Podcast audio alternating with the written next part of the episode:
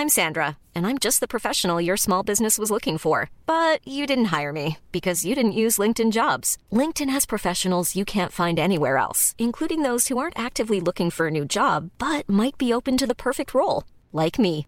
In a given month, over 70% of LinkedIn users don't visit other leading job sites. So if you're not looking on LinkedIn, you'll miss out on great candidates like Sandra. Start hiring professionals like a professional. Post your free job on linkedin.com/people today.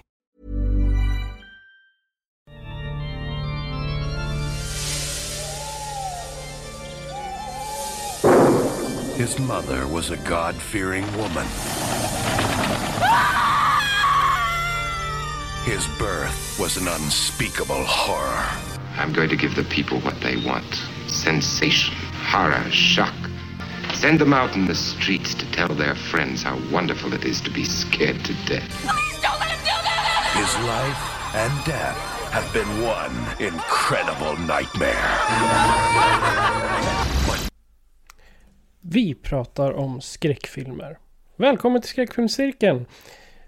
En podd där vi pratar om skräckfilmer som får oss att titta under sängen, dubbelkolla garderoben och helst av allt aldrig stänga ögonen igen.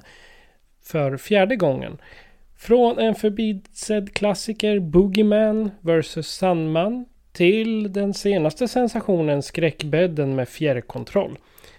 Så häng med oss och rulla ut era sovsäckar, gräv ner er i kuddarna och ta på er er favoritrandiga pyjamas. Så börjar vi resan ner i mardrömmen.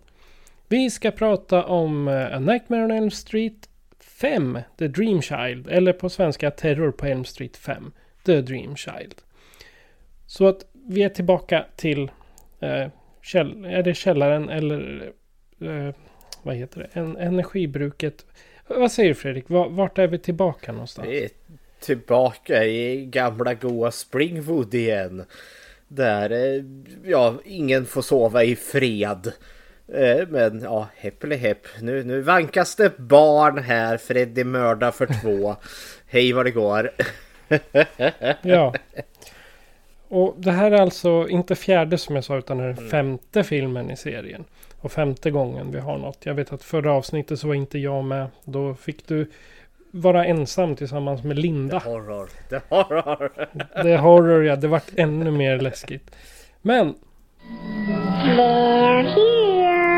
vi fortsätter med Film till fikats deltagare. Så jag säger hej Gustav. Hej! Det är jag! Det var en, fi- det var en film till fika start där. Hej! Hej! Jag kan göra den här klassiska också. Jag kan sörpla idag fan också. Ännu Det bättre. händer att vi spoilar filmer ibland. Det händer att du spoilar filmerna ibland. Hur är läget med Gustav då? Det är bra! Jag är ju så ärad och för mig. Jag blev förvånad eller rättare sagt jag blev konfunderad att jag blev inbjuden här. Fredrik har ju alltid sagt att jag är så tråkig så jag förstår ju. Ja men då har vi ju valt en av de tråkigare filmerna i serien Ah. också. Nej du Gustav, du är en härlig karl. Det finns inget tråkigt med dig. No. Om, Åh. det, säger, det säger han nu bara för att Exakt, du nu är inte det ska live. Ja. Sen skriver han i chatten direkt. Haha, jag är så jävla tråkig. Ja, kära någon.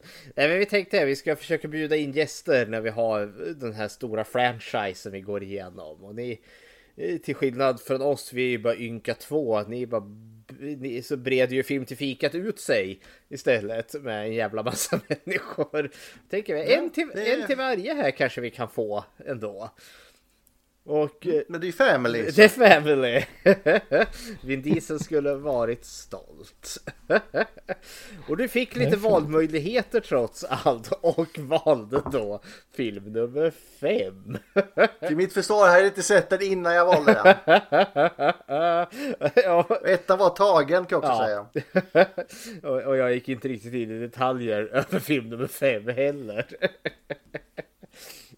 Ja, kära någon. Yes, men i vanlig ordning då tänkte jag att vi ska prata lite om vad vi har sett sen sist. Så ehm, jag säger gästerna först. Vad har du sett sen sist Gustav? Eh, jag har sett mycket, men jag har sett mycket skit så mycket kommer jag inte ta upp. Men det är två saker jag tänkte ta upp. Eh, för jag har sett så mycket animes nu som var så fruktansvärt dåliga så jag känner att den här kroppen är förstörd. Den ska isikajas in i en annan värld. Men jag får vänta och se om det händer. Men vad jag vill prata om först.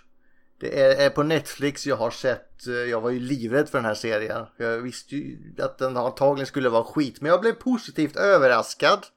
Av en anime som har blivit nu live action eh, tv-serie på Netflix. Det är ju One Piece. Jajamän, jag har också sett den. Jag blev, vad tyckte du? Jag blev positivt överraskad faktiskt Fredrik. Jag, jag håller med. Och, ja, nej, men, eh, jag, ska, jag hade också tänkt ta upp One Piece här så jag, jag hugger väl in här också. För One Piece är en sån där, jag har aldrig sett animin. Jag har inte heller läst mangan men jag känner ändå så till One Piece mest bara för liksom den är så stor och populär. Det är precis som Naruto eller Death Note. Liksom, jag har inte sett dem men jag känner till dem. Eh, för att det är så stort och vida känt. Eh, så, så jag hade ju inget direkt att jämföra med liksom. Är de nära källmaterialet eller inte? Men jag tyckte, jag vart ögonabums förälskad i karaktären Monkey D. Luffy. För att just han är så otroligt positiv. En riktigt liksom glad energiknippe i den här fullständigt färgglada, galna jävla världen av pirater. Eh, som är liksom, ja, det- är sjövilt. Och jag gillar att de tar ut svängarna ganska rejält ändå. Eh, Så jag, jag var jättepositivt överraskad och jag har förstått att den har gått ganska bra ändå. Så Ja, det- men den har ju inte så mycket. Alla andra de har gjort så här med. Det har ju varit typ Bleach fick en och vad det, Dragon Ball fått och det har ju varit så rövdåligt alltså så det är ju fruktansvärt. Och så kommer den här som faktiskt den hade någonting. Eh, Den följer storyn rätt hyfsat och så här så det, det gillar jag. Eh, Sen kanske inte karaktärerna är alltid som jag hade tänkt de skulle se Ja. ut men skitsamma. Nej men det, jag har ju sett lite så här jämförelsebilder och ja nej det kan jag väl förstå till viss del också. Hur man har ändrat lite karaktärer. Ja, det är märkligt. Hennes tuttar skuttade inte lika mycket som animen och ingenting liksom. Det... Alla förändringar är kanske inte av ondo Nej, heller. tänkte så. Okej. för- Lite av animes, lite, lite trista kvinnosyner ibland kanske vi kan tona ner lite. Nej men eh, annars, deras Netflix innan det var ju Cowboy Bebop. Eh, Jag har och- inte sett en live action faktiskt. Nej, och den gick... Jag, jag såg några, jag har inte sett hela, jag har sett några avsnitt. Jag tyckte inte att det var så dåligt, alltså, jag tyckte det var helt habi, ha, ha, helt okej ändå. Men de gav ju sig också i kast med en av de kanske i särklass mest populära animin någonsin gjord. Så där var man ju verkligen tvungen att hålla tungan rätt i mun. One Piece känns som att det går att, eh, precis som de har gjort, hålla sig relativt nära källmaterialet och ändå så kunna spacea ut lite. För det är lite vad One Piece är. Ja, kära. Är det något som du har sett då Patrik? One Piece? Nej, jag hade faktiskt ingen aning om att den existerade ens en gång. Men eh, den låter ju intressant så att eh, jag har eh, skrivit upp den här. Ja, och så en annan som du kan skriva upp det är då en ren anime som inte är någon live action. Och har Ren anime. Är det från Lappland då? Chainsaw Man Oh. från eh, nu 2022. Fy fan vad bra den var. Har du sett den Fredrik? Nej, det är också en sån där som jag bara känner till för jag har sett klipp här och där. Och jag är ju intrigued av en man med en motorsåg på huvudet. Alltså, Det räcker, han har två, båda armarna är motorsågar också. så är det. Alltså, ja, Han, har- han har ju ett husdjur där som är, har varit en liten hund som hade en motorsåg som var någon slags djävulshund. Ja, ja, ja. Men så blir han förrådd och så eh, blir de mördade och så rinner hans blod ner i hunden och så merchar de och blir Chainsaw Man. Oh my god. Det är fantastiskt och det är så mycket blod. Det är så mycket blod. Det bara sprutar överallt. Det är helt otroligt. Det låter ju lovande ändå. Nej, alltså, det är, it's a riot säger man. Slåss han mot demoner och allmänt otyg? Han är ju en demonjägare så, Ja, ja, ja. såklart. En animerad eh, Van Helsing då? Ja, eller blandat vad Hellsing med Wolverine. Bara att han har eh, motorsågar istället för klor som kommer ut liksom. ja men det låter fräckt. det- Vart, vart kan man hitta den då? Är det Crunchyroll? Crunchyroll. Det är kanske dags att införskaffa Crunchyroll igen. Finns ju en del godis där. Det gör det. Ja, Fredrik då? Ja, jag tänkte också ta upp One Piece men det är ju redan nämnt här nu. I'm Eh, sorry. Ja, det är helt okej Gustav. Eh, Men eh, det andra som jag då har sett är faktiskt tack vare Film till fikat-podden. Ni körde ju ganska nyligen här eh, Spaceballs, eller Det våras för rymden, Mel Brooks där. Och då vart jag alldeles sådär, mm, Mel Brooks, det, det var ett bra tag sedan jag såg. Så då kastade jag mig ut på Amazon där. För jag är en sån där, jag, det ska stå i bokhyllan och se fint ut ändå. Och då hittade jag liksom lite tre billiga, vad heter det, Blu-ray-utgåvor här. Eh, som jag tankar hem. Så nu, nu har jag Young Frankenstein, eller Det våras för Frankenstein. Det våras för slummen. Vars originaltitel jag inte vet för det var en spansk import. Så det står någonting. Que pasa que plompidomp. Det var spanska. Och sen den sista då som det var den jag faktiskt såg som då heter Det våras för galningarna. Eller originaltiteln High Anxiety. Såg inte den som var bra av dem som du köpte? Nej jag gjorde ju inte det. Men det var mest bara för att Young Frankenstein har jag sett. Frankenstein. Frankenstein. Ja, Frankenstein. Nej men mest för att jag har sett den ganska nyligen och High Anxiety är en sån där som jag har en viss nostalgi till för den hade jag bandad på kassett. Och den gick ganska varmt där hemma ändå. Plus också att det var kanske bland de första filmerna där jag gjorde kopplingen till en spoof-film. Eftersom att den är ju en, han paroderar ju Alfred Hitchcock jättemycket i den filmen. Eh, och nu hade det liksom gått kanske 15 år sedan jag såg den sen sist. Så det var ju Blast from the past. Eh, väl värd att se. Men Alltså ja, humor åldras inte alltid så jättebra. Och Mel Brooks är lite ojämn.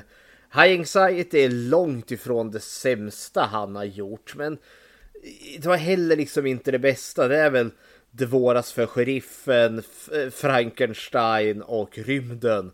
Som är väl liksom hans tre magnum opus där ungefär.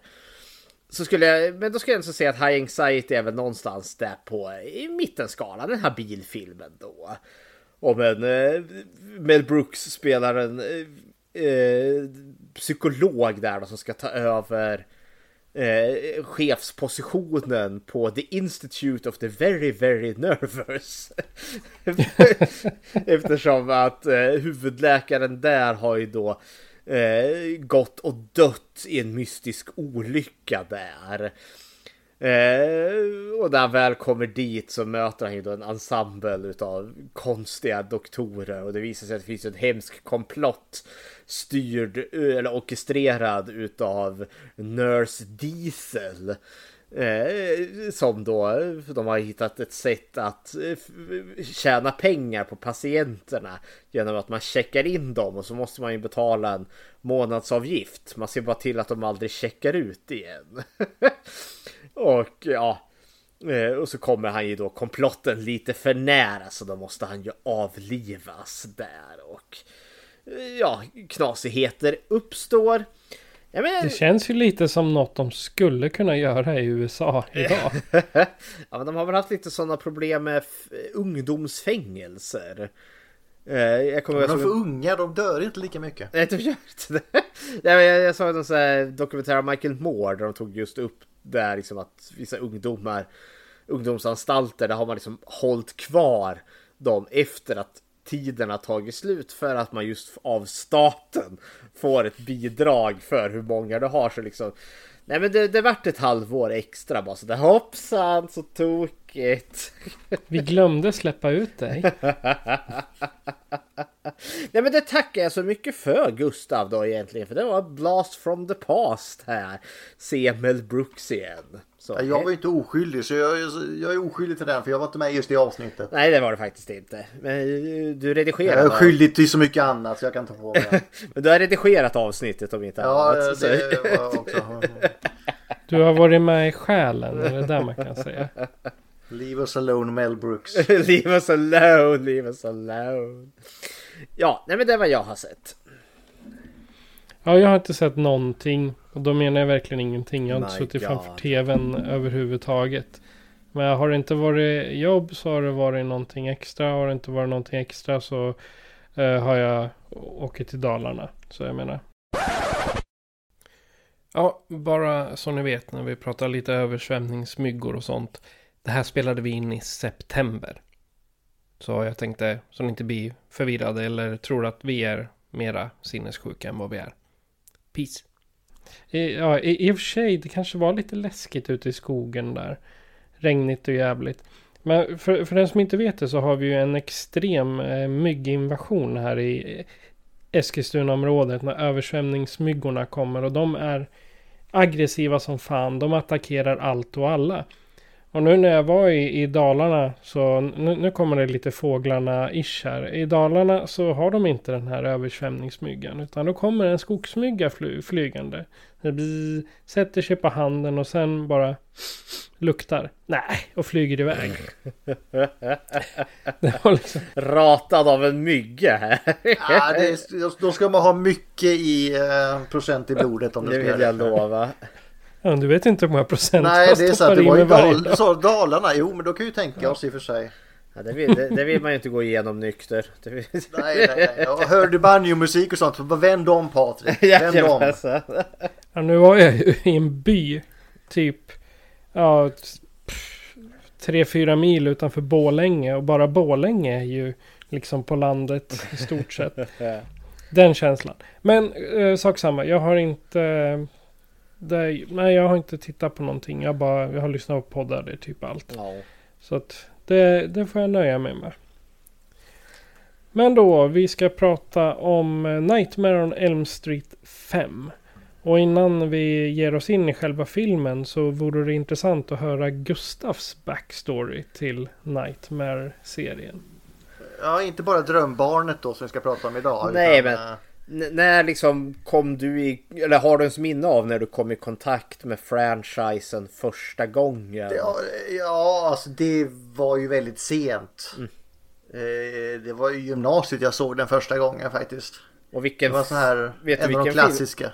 vet Va? du vilken film du såg då? Ja, men jag såg den från början. Ja, oh, se där! Jag såg från början, men jag har, inte, jag har bara sett ett, två, tre. Och Innan nu den fem här. då? För, för det gick lite... Det, gick, det, det var nedförsbacke i fel riktning måste säga, med, med kvaliteten kan jag ju påstå. För ettan är ju... Den är ju awesome. Mm. ettan är riktigt bra. Och sen går det... Det alltså, jag vet inte vad de har för betyg på IMDB men det kan ju inte vara högt alltså. Jag, har Det inte, känns som det är en rasande skala i alla fall. ja, alltså jag såg ju inte fyran och femman efter det. Jag tänkte nå- någon, det finns så mycket annat i film att se än, än det. Så jag, jag, jag tror det var första ring jag såg ettan och tvåan och trean. Men jag fick aldrig några mardrömmar av dem. Så. Det finns så mycket skit där i huvudet. Freddy får inte plats. Ju... Eller så blir han bortskrämd av allt. Ja, det, det kan vara så. Det är för mycket för även Freddy. that, that mind I will not enter. Ja, kära någon. Ja men då så. I, eh, utan att vidare kommentarer här då så tycker jag vi ger oss in i Nightmare on Elm Street 5 Dreamchild från 1989. Så här kommer en trailer.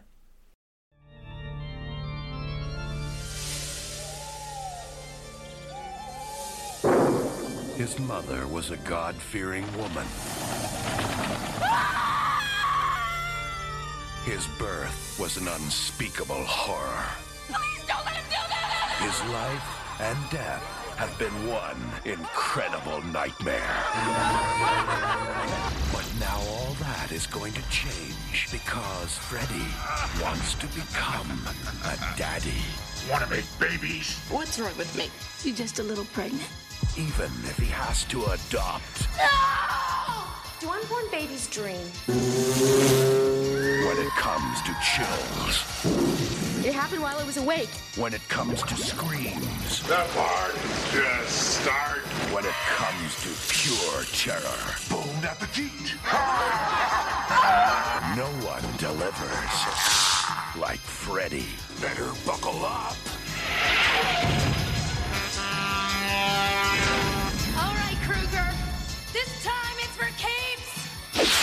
Nightmare on Elm Street 5. The Dream Child. It's a boy. When it comes to terror, remember, Freddy knows best.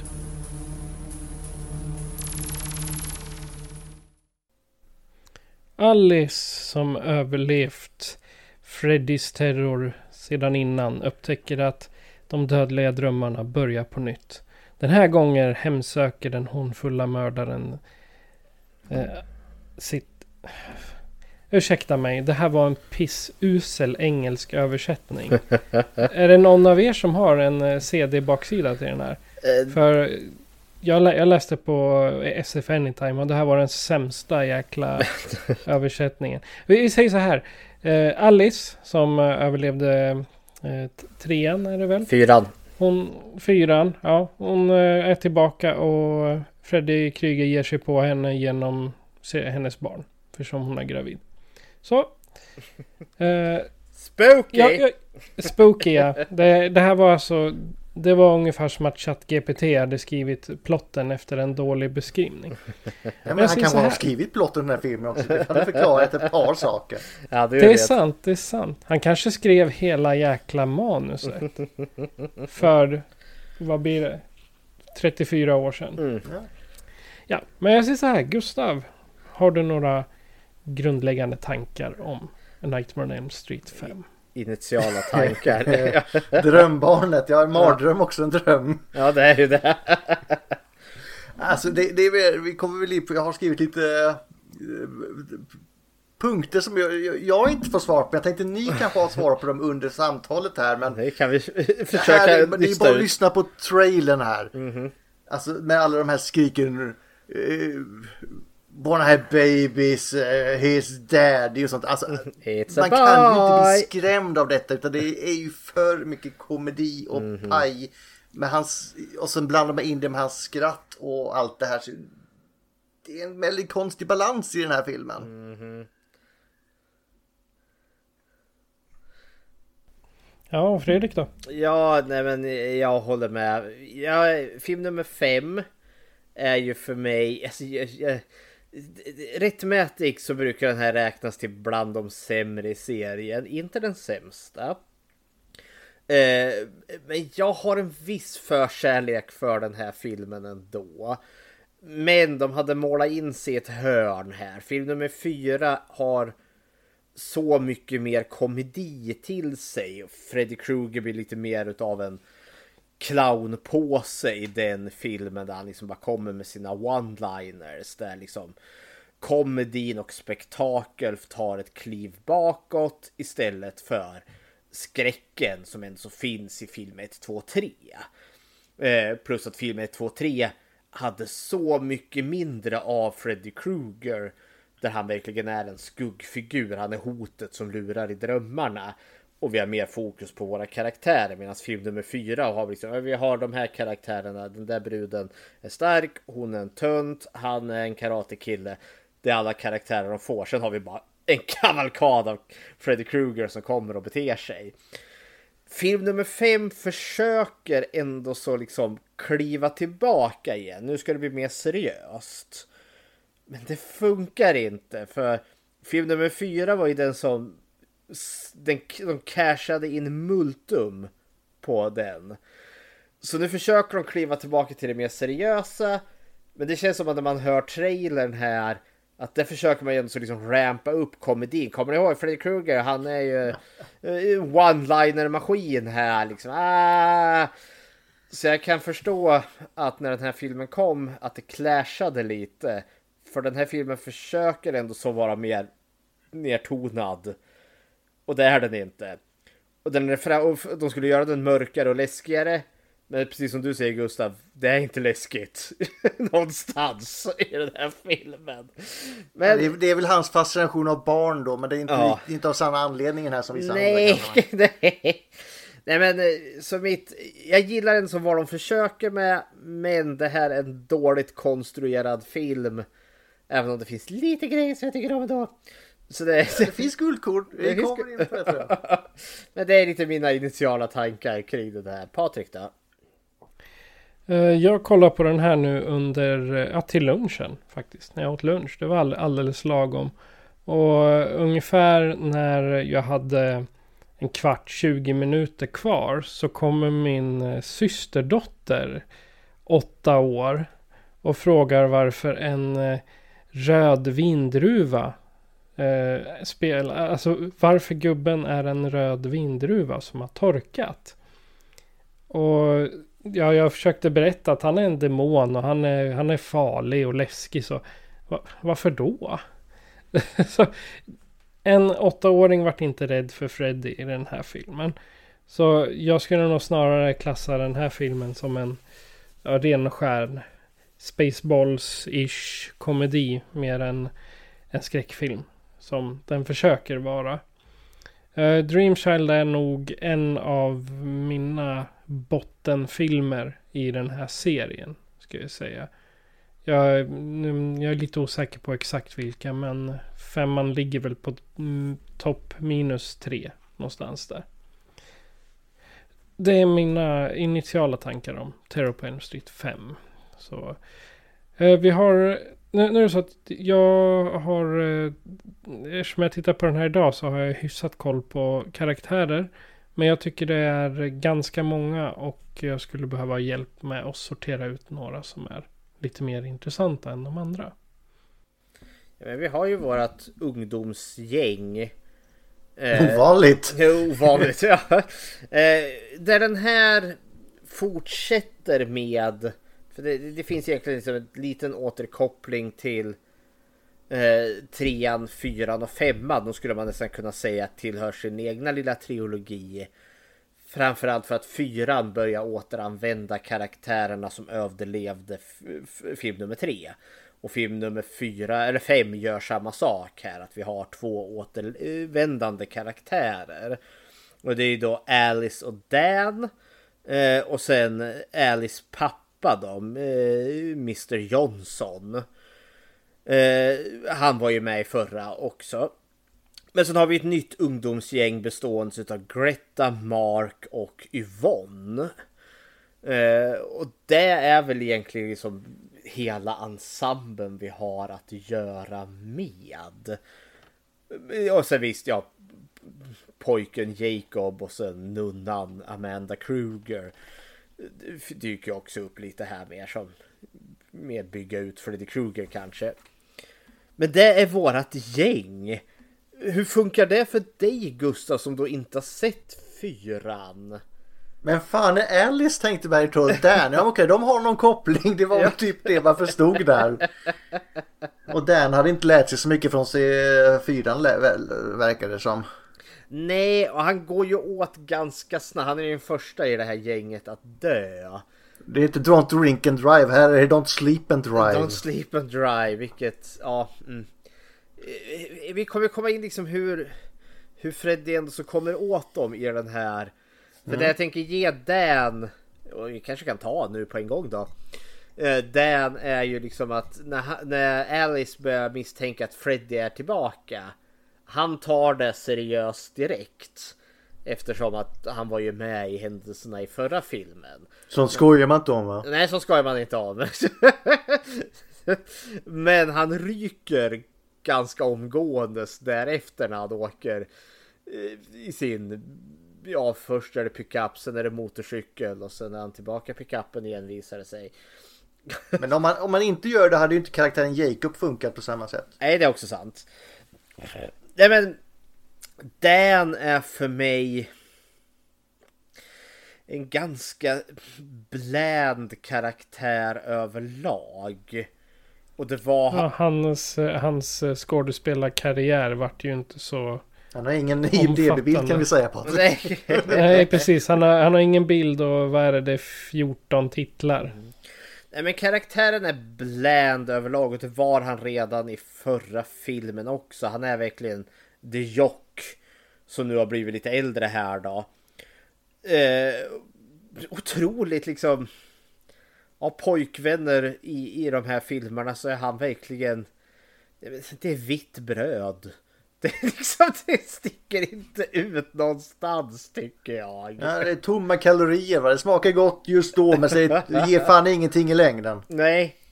Och smaka gott det förstår vi att det har gjort. För vi får ju... Ja, den, här, den här är ju den som liksom inleder med en sexscen ändå.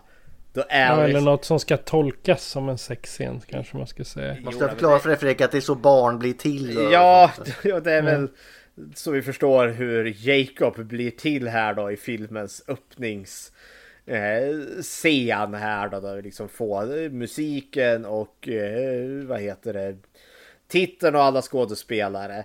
Vilket också var så lite lustig. För i alla andra så börjar vi ju med en mardröm i liksom Nightmare World på ett eller annat sätt. Men här har vi liksom Alice och Dan eh, Humping Ugly där. Men också liksom filmat på ett ganska liksom så här sensuellt sätt. Det är liksom, hade det varit en annan film så hade jag föreställt mig det här liksom saxofonmusiken som brukar komma upp. Bara det gjorde att jag kände tonen är annorlunda i den här filmen. Men samtidigt får vi inte se någonting. Det är liksom inzoomning på hans skuldror där. Och inzoomning på hennes skuldror. Det är ingen nips eller bats eller något. Jag är hemskt besviken. Jag var ju också besviken. Jag trodde det skulle dyka upp någon klo eller någonting där men det gjorde det ju inte. Nej, och det är just det. Vi har ingen skräcksting där i början överhuvudtaget. Så det är lite förbi. Ja, men som sagt, tonen är annorlunda. Men Jag, jag tänker mig här när, när jag såg att det är ju inte långt kvar till Basic Instinct efter den här filmen. Och de går ju de, definitivt på en liknande eh, li, liknande typ av filmteknik. Ja, fast något Det är inte ofta man hör Basic Instinct och Nightmare on Elm Street 5 i samma mening kan jag säga. De är lika, de är lika dåliga så fan. Nej, vad säger du? Basic Instinct, det är bra skit. Den har ju någonting säger Fredrik. Jajamensan, Ja. vi har ju... vad heter hon? Stone. Sharon Stone. Sharon Stone där. Ja det är väl det den har då kanske. vi, vi får se henne i en vinkel som vi sällan har fått sett henne Nu är det fel film här känner jag. Vi är inne på hörni. Nej men Dan då. Eh, enligt mig liksom en otroligt bland, intetsägande karaktär. Och som var det i förra filmen. Och förblir det i den här filmen. Jag, jag fick inte lära känna honom i den här filmen alls känner jag. Nej, och då har jag ändå så sett honom i filmen innan. Och tycker att det, det fanns inget mer där att hämta. Ja, okej. Ja, Men jag känner nästan att han blir en typ av kanonmat i den här filmen. Ja, och det är lite träligt tycker jag. För nu hade man möjligheten att fläscha ut lite det här. Snarare upplever väl jag kanske snarare som att han, eller hans död förvisso, blir liksom som en del i varför Alice ändå så vill ha, ha kvar det här barnet. Eh, för det kan jag ju köpa eftersom att han är borta nu. Det är en så Nej nej svärföräldrarna hade rätt till det här barnet. Det är faktiskt en bit som jag genuint tycker om. Just Det att- kanske vi kan komma till under hotet. Ja, ja, det är en del. Ja, men just eh, det är en del. Ja, men det är en del i hur hotet eller stakesen är annorlunda i den här filmen, helt klart. Men Dan har vi Det kan vi ta under hotet ja, tycker jag. har vi kommit fram till att Dan det är liksom ja, Vitt bröd utan innehåll. ja, gott att äta, men sen är det bara tomt. men han får en herrejösses dödsscen om inte annat. Det tänker jag ge han. Ja. ja, men det var ju rätt snyggt till och med. Ja, det tycker jag. Det var väl lite signumet för de här att de skulle ha lite spektakulära specialeffektsstunder och det kan man inte beskylla den här filmen för att inte ha. Ja, det, det var den här Sarlacc-pitten jag hade lite svårt för när de skulle dras ner i under marken. Det såg Ja, jävligt ut. ja, det, vi kan ju komma till det sen också. Liksom, kvaliteten på specialeffekterna. För, ja, mm, mm, mm, Ja, sminket var helt okej, men i övrigt... Mm, Ja, det finns mycket att klaga på här. Men eh, ska vi ta Greta? Jag tänker vi sparar Alice, våran final girl, till Ja. sist här. Greta eh, med sin Greta. Greta. Hon kan få heta Greta. med sin, Det är bra. med sin träliga morsa här. Va, eh, vad tyckte du om Greta? Ska vi se, eh, Greta, är det hon modellen eller är det... Det är modellen. Ja, ja, ja, ja. och hennes morsa Prussiluskan. Jajamensan. Det är också en del av hotet. Alltså det var ju, förutom Fred, det är ju den man tycker minst om i filmen. Mhm. Alltså, Hennes mamma, det, det är nog det största monstret strax efter Freddy här. Eller om inte hon är värre än Freddy nästan. Nej, Freddy mördar folk ändå. Ja, fast hon tar livet av sin dotter bara genom att tråka henne och tvinga henne till att bli en beauty queen som hon det, inte blev. Själva dödsfallet var väl ändå Freddy vill jag säga. Ja, jo det. Nej, okej. Ja, Men hon dog emotionellt inombords. Ja, det. Freddy bara avslutar jobbet. Nej men just det, hennes dödsscen där när hon sitter och alltså, Men nu, nu kommer de med ett jättebra modelluppdrag till dig, ryck upp det, min vän dog nyss. Ja men det var inte du som dog eller vad säger det. är så- åh. Det, jag ska erkänna att hennes död är ju en av de mest fantasifulla tycker jag. Och det är verkligen liksom den här, får den här Freddy Krueger grymheten som är liksom så typiskt honom. Det, det- det är nästan lite peak terrorn på Elm Street på något vis som vänster. Det, det, jag, jag tror det, det, mordet på Greta är en av de för mig mer ikoniska precis tillsammans med hon i trean som han tar ihjäl med tvn där. It's a big break in TV! Boom! Oj, ja, då har vi inte det bästa dödsfallet den här filmen kommit än heller. Nej, det har ju inte det. Alltså. Men eh, vi har ju, jag har ju en fråga där. Alltså, när Mm. det gäller, eh, han dödar genom drömmen. Jajamän. Men i det här fallet, jag känner att när de studsar runt så här så påverkar det omvärlden också. Vad, vad är reglerna där egentligen? Det är det som är lite knöligt med de här. Så det har ju alltid varit det här, Freddy kommer åt dig när du sover. Och det kan ju Som göra så... jultomten. Ja, det, och det kan ju göra så att caset, ja men Greta somnar ju ändå sådär vid eh, bordet. Och då kommer han. Eh, men sen har det också varit det här, för de ändrar ju lite reglerna, eller det är lite olika från gång till gång. För i, i första filmen, då de skador du får i drömmen, de uppstår ju i verkliga livet. Eh, Det Tina, var det var lite svårt att förklara bort i ettan. Hon låg i sängen där han var i rummet. Ja men för det... Medans i... Jag tror det är förra, alltså i fjärde filmen.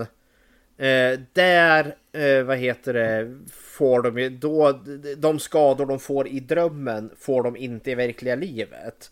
Där tjejen med astman där suger han ju, han suger ju ut liksom allt eh, hennes eh, luft i och hon bara skrumpnar ihop. Men i verkliga livet ser det ju mest bara ut som att hon har fått liksom en astmaattack och dött. Eh, och jag vet inte om det är en fortsättning på, för i film nummer tre, där är det också liksom, där får de ju skador. Men där är verkar det som att han manipulerar det på det sättet så att det ska se ut som att ungdomarna har tagit livet av sig. Men, äh, ja, jag vet inte om de själv riktigt har koll på hur spelreglerna är. För i det här film nummer fem är det ju som så, ja men Greta där, han, han matar ju henne till döds. Men i verkliga livet så ser det ju ungefär ut som att hon har satt i halsen och kvävs. Så, äh. Men han spelar ju verkligen på deras psykiska problem. För alla de här har någonting i, som de har problem med psykiskt. Det måste ju vara överens om. Jag skulle inte säga att det är psykiska problem utan snarare spinner ju på något som har att göra med deras livssituation som Greta som är modellen som hon måste tänka på vikten hela tiden. Så därför är det med mat han ger sig Kan ju efter. återspeglas i drömmar så det kan man väl köpa liksom. Ja, och med Mark där då som serietidningsnörden. Så är det liksom i någon form av serietidningsdrömvärld som han använder då för att liksom håna på något vis och vänster. Men är det, Han inte, skär, han skär väl upp honom. Ja, är det inte lättare att väcka dem i andra filmer? Jag tycker vi- de lyckas dåligt i den här. I ettan räckte det de petade på dem ibland när han var där. Ja, och det är också det som är lite, för det känns det som... Ja men som i fallet med Greta där. Det, det blir som inte uppenbart förrän hon typ är döendes. Liksom strax innan hon dör. Då får vi någon form av återkoppling till ver verkligheten där. Och jag vet inte om det, om det var så med förra filmen också där liksom att det, det sker liksom inte förrän i liksom själva dödsögonblicket. Då kopplar det liksom in. Men i första filmen, precis som du säger, då är det liksom då ligger du ju ryster och drar i, i, i sängen där och då är det bara ja, men redigt ruska runt och än så vaknar man ju. Eller sätter alarmuret själv och allt. det Ja, är. det finns sätt att vakna ur drömmen. Och det är ju till och med ett hot eh, som liksom då blir med film nummer tre när de är på sjukhuset där. När liksom sjuksköterskan beslutar sig för att nej men ni behöver sova så de ska alla få lugnande. Så att de sover och då finns det ju det hotet liksom att shit jag kan bli sövd och då kan jag ju inte vakna. Men i den här filmen så nej. Det, det är lite diffust. Ja, och Prussiluskan står bara och tycker det är pinsamt när hon står där. Vad håller du på med unge? Tänk vi har ju... Kom nu, foto, fotomöjlighet. Men Greta, jag ska villigt erkänna att jag tycker väl att det är också inte en karaktär som har så jättemycket, jag får inte riktigt lära känna henne heller, utan det är snarare hennes dödsscen som sticker ut ganska rejält. Men om jag tolkar det rätt, kärleksintresset, jag vet inte om hon är förälskad, men jag tolkar det som att Mark, serietidningsnörden, är förälskad i henne. Ja, det är han. Ja. De är inte ett par, men han är sjukligt förälskad i henne i alla Ja, fall. enligt honom är, han, är, är de ett par. Men han har inte Ja. kommit fram och sagt det till henne. Så. Nej, nej, okej. Alltså jag vet inte om det ens finns någonting där, för det är precis i början där efter att de har haft sin... För de, de har ju graduation egentligen, så de har ju slutat skolan här. Så sitter de ju på bänken där någon dag senare. Och då sitter hon ju ändå så liksom och plockar liksom och leker lite med hans hår. Eh, Och jag tänker, ja men är det liksom bara så vänskapligt eller finns det någonting mer där ändå? Ja. Nej, han är nörd. Hon bara teasar honom det. Sen tänker jag också att hon är så jäkla hårt hållen av sin mamma där. Alltså, även om de skulle vilja bli ett par så skulle så skulle liksom hon, hon vara tvungen. De skulle vara tvungna att smyga ut eh, genom fönstret eller något sånt där. För det, hennes otäcka mamma skulle ju aldrig godkänna det. Nej, Ja, eller så skulle hon slå upp såna här, eh, vad heter det, stolpar för fönstren. Ja. Mark då? Vad tycker ni om Mark i den här filmen? Han är ju friendzonad i alla fall.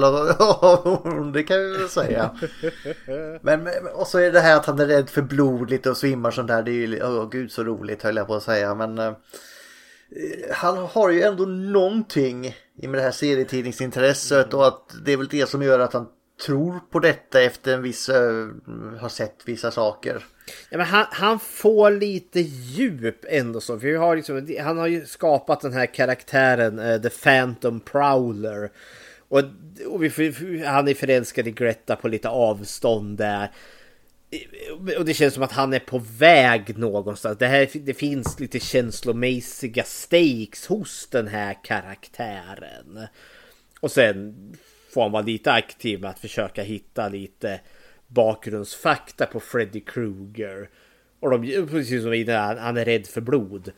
Men vad gör man med det här Det sker liksom inget. Han han skär sig i handen och svimmar en gång. Okej. Och han hämtar informationen om Freddy Krueger. Men man, man gör inget i filmen med det hela. Jo, men ge honom en fantastisk dödsscen. Det gör de!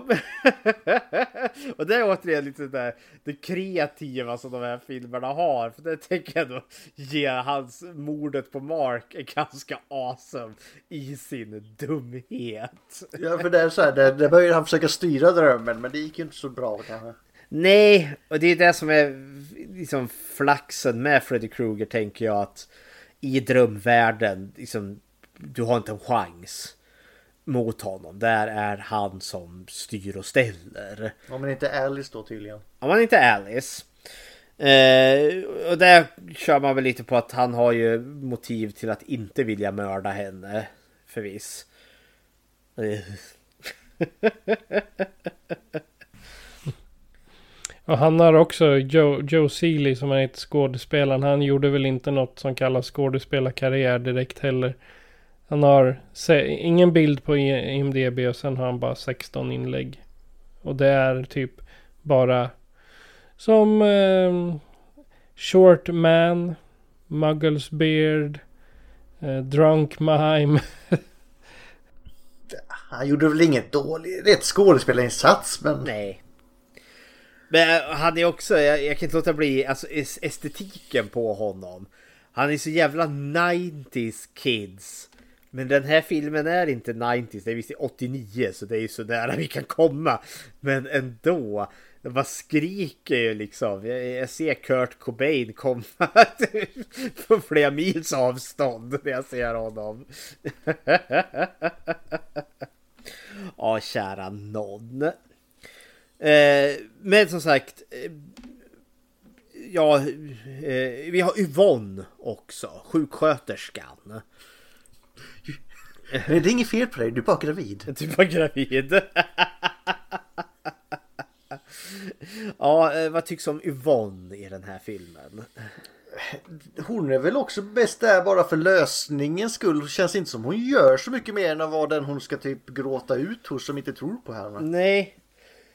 Hon fyller lite den rollen som i de andra filmerna är det ju allt som oftast vuxenvärlden som inte, eh, vad heter det, tror ungdomarna. Och, och kan också bli en del i, alltså indirekt en del i hotet.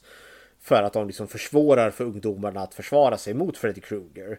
Jag vet vill ändå ge föräldrarna att det är en ganska otrolig story de kommer med. Det är ju det. Men i den här så... I och med att de ändå så går ut, alltså de tar ju examen där. De är egentligen inte ungdomar utan nu är de unga vuxna på väg, liksom de ska skaffa jobb här nu. Så upp, ja, och Yvonne har ju bevisligen om hon är sjuksköterska eller om hon är praktikant på det här sjukhuset. Just att hon får fylla den här rollen som i regel annars föräldrakaraktären får göra, alltså skeptikern. Som egentligen står i vägen, liksom som bara motar hela... Eh, eller jag, jag, jag vet inte om hon så mycket skälper, men hon blir, hon är ju egentligen det sunda förnuftet. Eh, Liksom hur, hur en rimlig människa skulle reagera när Ja, någon... ja, sen, hon vaknar upp när hon får bada. Ja, det får hon ju. Men samtidigt också så här långt in i, i serien, i Springwood-samhället med alla de galna jävla dödsfall som har haft den här seriemördaren Freddy Krueger som har terroriserat och härjat. Någonstans skulle jag önska att liksom, när konstiga dödsfall bland ungdomar börjar hända att det finns något form utav liksom okej, är det på gång igen? Jag jag vill ha lite så här att Freddy Krueger han kan inte vara så jävla anonym som han är i den här filmen egentligen. Ja, ja, ja.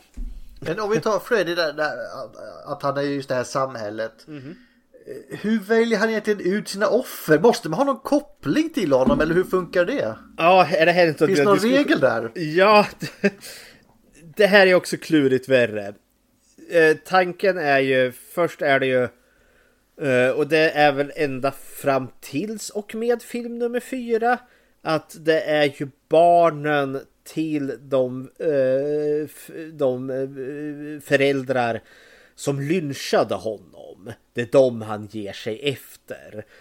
Och i trean så får man ju hinten av att det här ungdomsgänget där är, det är de sista barnen. Eh, Sladdisarna. Ja men de sista utav som tillhörde någon av föräldrarna som dog där.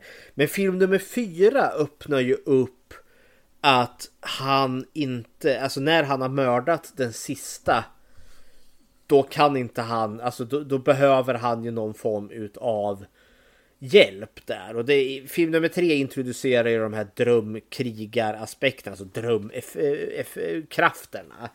Och där är det ju karaktären Kirsten som har den här förmågan att dra in folk i drömmen. Ja, hon går lite Inception på dem. Jajamensan. Och eh, när hon dör i film nummer fyra där då kastar ju precis innan dödsögonblicket så kastar ju hon, ger ju hon sin förmåga till karaktären Alice. Och det blir ju fortsättning för i, i den filmen så är det ju varje gång Alice somnar eh, så hon kan ju inte riktigt kontrollera den här förmågan så hon drar in någon annan i sin dröm. Eh, och den personen mördar då Freddy. Eh, så där finns det den liksom, där har vi den liksom begränsningen till honom. I film nummer fem känner jag liksom att, jag, är det fortfarande den här just Alice-biten? Att på grund av hennes Kirsten förmåga, det är lite diffust. Eller jävligt diffust i den här filmen. Medan i film nummer 6 valde de bara att ignorera det utan då bara ger sig på alla ungdomar som finns i Springwood. Då har han ingen begränsning längre. Så... Så enda sättet att bli av med han är att antingen han dör eller att du dör då eller? Ja, eh, i, i Freddy vs Jason har de ju löst det med att eh, man har aktivt glömt bort honom. Man har eh, mörkat han så pass att eh, han inte längre eh, minns. För det är att folk inte minns honom och det berövar honom all hans kraft.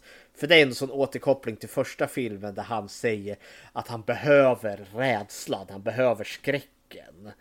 Det är det som livnär honom på något vis och vänster. Men det är rätt att de säger det här, vänd bara ryggen, om man inte försvinner då? Nej men då vaknar du inte. Ja, nej. Sen gick det lite över till i film nummer tre där att det tydligen har att göra med att han han stjäl själarna från de som han mördar. Eh, Och det ger honom kraft. Och det är en plot point i film nummer fyra och en del i film nummer fem. Men har försvunnit i film nummer sex. Och i Freddy vs Jason då är vi tillbaka till skräckelementet igen. Att om folk inte är rädda för honom, då har han inte kraften. Så, det går. Och film nummer fem känns som att den vet jag inte alls vart den står. Det är en, alltså en fyrvägskorsning. Man vet inte åt vilket håll man ska åka. Ska man följa högerregeln eller finns det skyltar? Ja, för det här har jag undrat, har du ju, för vi spinner ju lite den här filmen på att eh, barnet sover. Och det är på så sätt Freddy Krueger kan komma åt Alice även när hon är vaken. Men då har jag liksom undrat, hur kommer han åt de andra? Är det fortfarande den här Kirsten-förmågan att när barnet sover så kan han dra in någon annan i deras dröm? Eller nej, det är för dumt. Jag orkar inte. Eller så somnar de bara helt enkelt och han eh, på något sätt använder... Nu, nu behöver vi inte hårdra det här för det ska vi, vi... Vi kan ju göra en hel vägg med att dra trådar och försöka få rätt Ja, sida men, på det är det här som kanske slarvigt manusförfatteri. För visst, jag kan köpa att Gre- eh, Greta somnar. Hon var trött och sliten. Jag kan köpa att Mark också somnar för han sitter uppe och vaktar. Jag kan inte köpa att Dan somnar. För hon har precis ringt honom. Freddy Krueger är tillbaka och han... Jag kommer genast älskling. Sätter sig i bilen och brunner. Nej! Jag köper det inte för fem jävla öre liksom så. Han borde vara liksom i gasen, liksom adrenalinstinn utav bara fan liksom nej! Är den där jäveln tillbaka? Ja, men jag hade tyckt det var intressant om du tar Freddy här av att somna i sängen att du är lite mindre utsatt där än om du somnar i typ i badkaret eller i bilen eller något. Ja. Nej, men just somna i bil. Nej, jag, för, för det är den som jag funderar i den här att, att vi har någon form av, om jag ska försöka göra någon form av jävla klarsida på det här att det är genom barnet som finns i Alice. Alice har förmågan att dra in folk i sina drömmar. Att det har något att göra på det sättet. Det är lite convoluted. Men de här filmerna är convoluted. Drömmer barn när inte hjärnan är utvecklad? Nej, nu går vi vidare. Nu går vi Känner jag. Nu ska inte jag ställa fler dumma frågor. Ja, det fortsätter, det var jätteroligt. För grejen, vi kan liksom inte... Problemet med de här är att filmen i sig har inte tänkt ut det här, tänker jag. Lite tillbaka till Yvonne, eh, våran tvivlare här. Badan. Banan. Hon överlever faktiskt. Det var jag lite förvånad över. För liksom i regel, alltså den här tvivelkaraktären, den som liksom sätter sig emot vals. Åker, åker i regel liksom på att liksom bara, haha, det fanns visst det på riktigt. Men hon känns också egentligen som en karaktär som borde gå åt i en sån här film. För att liksom läggas till killcountet. Men det gör hon inte. Det tyckte jag var lite såhär, okej. hade, det varit en fredag, hade det varit en fredagen den 13 film hade hon garanterat dött. Men inte här. Hon hade väl dött först. Ja, Står jag inte vad du menar? Ja. Ja, men det är väl li- det är ytterligare en sån här grej som jag faktiskt kanske också tycker lite om med de här filmerna. Att de är inte alla gånger helt predictable med vem som går åt och vem som inte gör det. Men eh, Men den här filmen, jag vet inte hur, jag kommer inte ihåg hur det är de andra som jag sett men eh, här har ju Freddy ett, ett eget hot i drömvärlden. Det har han kanske inte haft i de andra. nej, inte på det här sättet i alla fall. Vi, vi kan ju hugga henne nu då. Amanda Kruger. Hans mamma. Ja, för det, det är egentligen nytt med den här filmen. Det har aldrig funnits något som hotar honom i drömvärlden. Där är han ohotad. Det måste man ju göra som i första filmen. Man måste ta ut han ur drömvärlden för att lyckas besegra honom på något vis och vänster. Vad tycks om Amanda i den här? Hon har en jävla oflyt. Ja, det har hon! Eller rätt sagt inkompetenta medarbetare som inte kan räkna.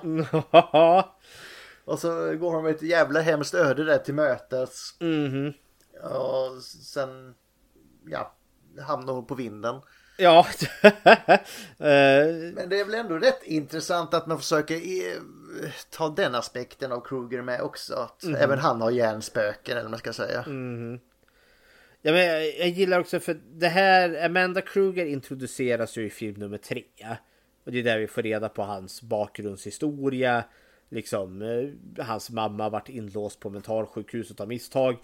Eh, vad, vad är det? The bastard son of a thousand, eh, of a hundred maniacs. Våldtagen utav hundratals galningar där. Och samtliga spermier penetrerade ägget samtidigt. Tydligen. det- Nej men det får vi ju faktiskt en förklaring i just den här filmen. För det får vi ju faktiskt se Robert Englund utan Freddy Krueger sminket. Han är, ju- han är ju med där i, i massan utav folk. Eh, utav de här galningarna. Så då förstår vi, ja men det är ju han då. Det, det är pappan till Freddy Krueger. Han är en utav våldtäktsmännen där. Så det, det är en bit som jag faktiskt tycker är lite effektfullt. Eh, och just det konceptet i sig, så är hon bortglömd där över en helg och bara våldtagen om och om och om och om igen. Det är ganska grovt i en filmserie som ska vara ganska pajig egentligen. Men vad är det för ett jävla mentalsjukhus de är, Det är ju fan en mentalkällare. De har ju låst in folk. Det kanske är de jobbigaste eller farligaste personerna på hela mentalsjukhuset. För att de är inlåsta i källaren liksom. Ja, men jag känner att det här är ju ett mentalsjukhus som har blivit privatiserat. Som måste öka förtjänsten så vi stänger in dem i källaren bara så vi får in mer folk. Ja, för jag tänkte Ja. visst, eh, han får se när han står där och räknar de här två biträden står där. En, två, tre. Det är bara, det är bara en kakafoni av folk som springer fram och tillbaka. Hur skulle man kunna räkna Ja men det ser dem? ut som hundra Fredrik, stäng dörren nu, kom Ja. igen. Ja, kära någon, kära någon. Men då ser man ju vilken kvalitet den amerikanska psykvården hade på den tiden. Eller ja, man ska inte säga det var inte så mycket bättre i Sverige, men ändå. Ja, det... Nej, men... eh, Sen Amanda i sig, jag- jag gillar ju att det alltså, finns någonting som han är rädd för i drömvärlden. Eh, Och hon är då liksom det som kan skrämma bort honom. Eh, Men när de väl drabbar samman så att säga. Jag hade önskat liksom på lite mer av en utklassning av han, liksom att hon verkligen liksom kunde platta till fanskapet. Hon, kan ju inte, hon kommer in och säger att eh, jag kan inte göra någonting åt det här, ni får göra det själva. Ja! jag, jag, jag, jag blir en manager som står och tittar på här och ger order. Och sen hur fan har man glömt den kroppen i det, i det rummet där? Som har ett fönster och alltihopa. Ja, men jag har frågor till det sen faktiskt. Ja, okej. eh, som jag kommer när vi kör killcountet här. Hur det ligger till med henne. Eh, vi får ju en liten återkoppling här till film nummer tre egentligen. För där använder man ju, man, man viger, man begraver ju Freddy Krueger i vigd jord. Så där kommer liksom kristendomen in, alltså religion går att besegra honom på något vis och vänster. Eh, och här får vi ju nästan lite en sån återkoppling också. Hon är nunnan. Eh, hon är helig på något vis och vänster och där får det onda att hålla sig på avstånd. Så får vi lite den återkopplingen till den här filmen. Eh, dock så tycker jag det funkar sådär. In the market for investment worthy bags, watches, and fine jewelry, Rebag is the answer. Rebag is a luxury resale platform where each piece is carefully inspected by experts to ensure quality and authenticity. Use Rebag to buy and sell finds from the world's top brands, including Louis Vuitton, Chanel, and Cartier. Head to Rebag.com to get 5% off your first purchase with code REBAGNEW. Shop today at Rebag.com. That's R E B A G.com. And use promo code REBAGNEW for 5% off your first purchase. I'm Sandra, and I'm just the professional your small business was looking for. But you didn't hire me because you didn't use LinkedIn jobs. LinkedIn has professionals you can't find anywhere else, including those who aren't actively looking for a new job but might be open to the perfect role, like me. In a given month, over 70% of LinkedIn users don't visit other leading job sites. So if you're not looking on LinkedIn, you'll miss out on great candidates like Sandra. Start hiring professionals like a professional. Post your free job on linkedin.com/people today.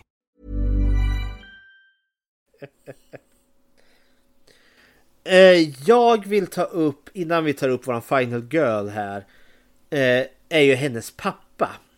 Eh, Mr Johnson. För det här är en aspekt som jag, en av de få grejerna som jag genuint tycker om med den här filmen. För du hade, du hade inte sett film nummer fyra, Gustav? Nej, fyren har jag inte sett. Det Nej. borde jag ha gjort med alla kort på hand. Men... Det, det är ingen fara. Han är alkoholiserad och väldigt jävla otrevlig i förra filmen. För då får vi reda på att frugan har dött i något orelaterat och han har inte tagit det så väl. Och så är han väldigt neg... Han, han, är, han är inte fysiskt våldsam, men han är psykiskt våldsam. Han är väldigt liksom... Han neggar och är otroligt otrevlig. Och stackars Alice är den som liksom får ta bredsidan av detta. Och i film nummer fyra så har ju hon också, det finns ju en bror där som blir mördad i den filmen. Vilket jag då gillar i den här filmen att nu är han nykter. Jag tänker mordet på, på, på brorsan på hans son där har väl liksom kickat ur honom ur det här destruktiva eh, som han gjorde. Och han är genuint på hennes sida. Han är en stödjande, stöttande pappa. Vilket gör honom till den första och den enda föräldern som är stöttande av någon utav de här jävla terrorn på Elm Street-filmerna.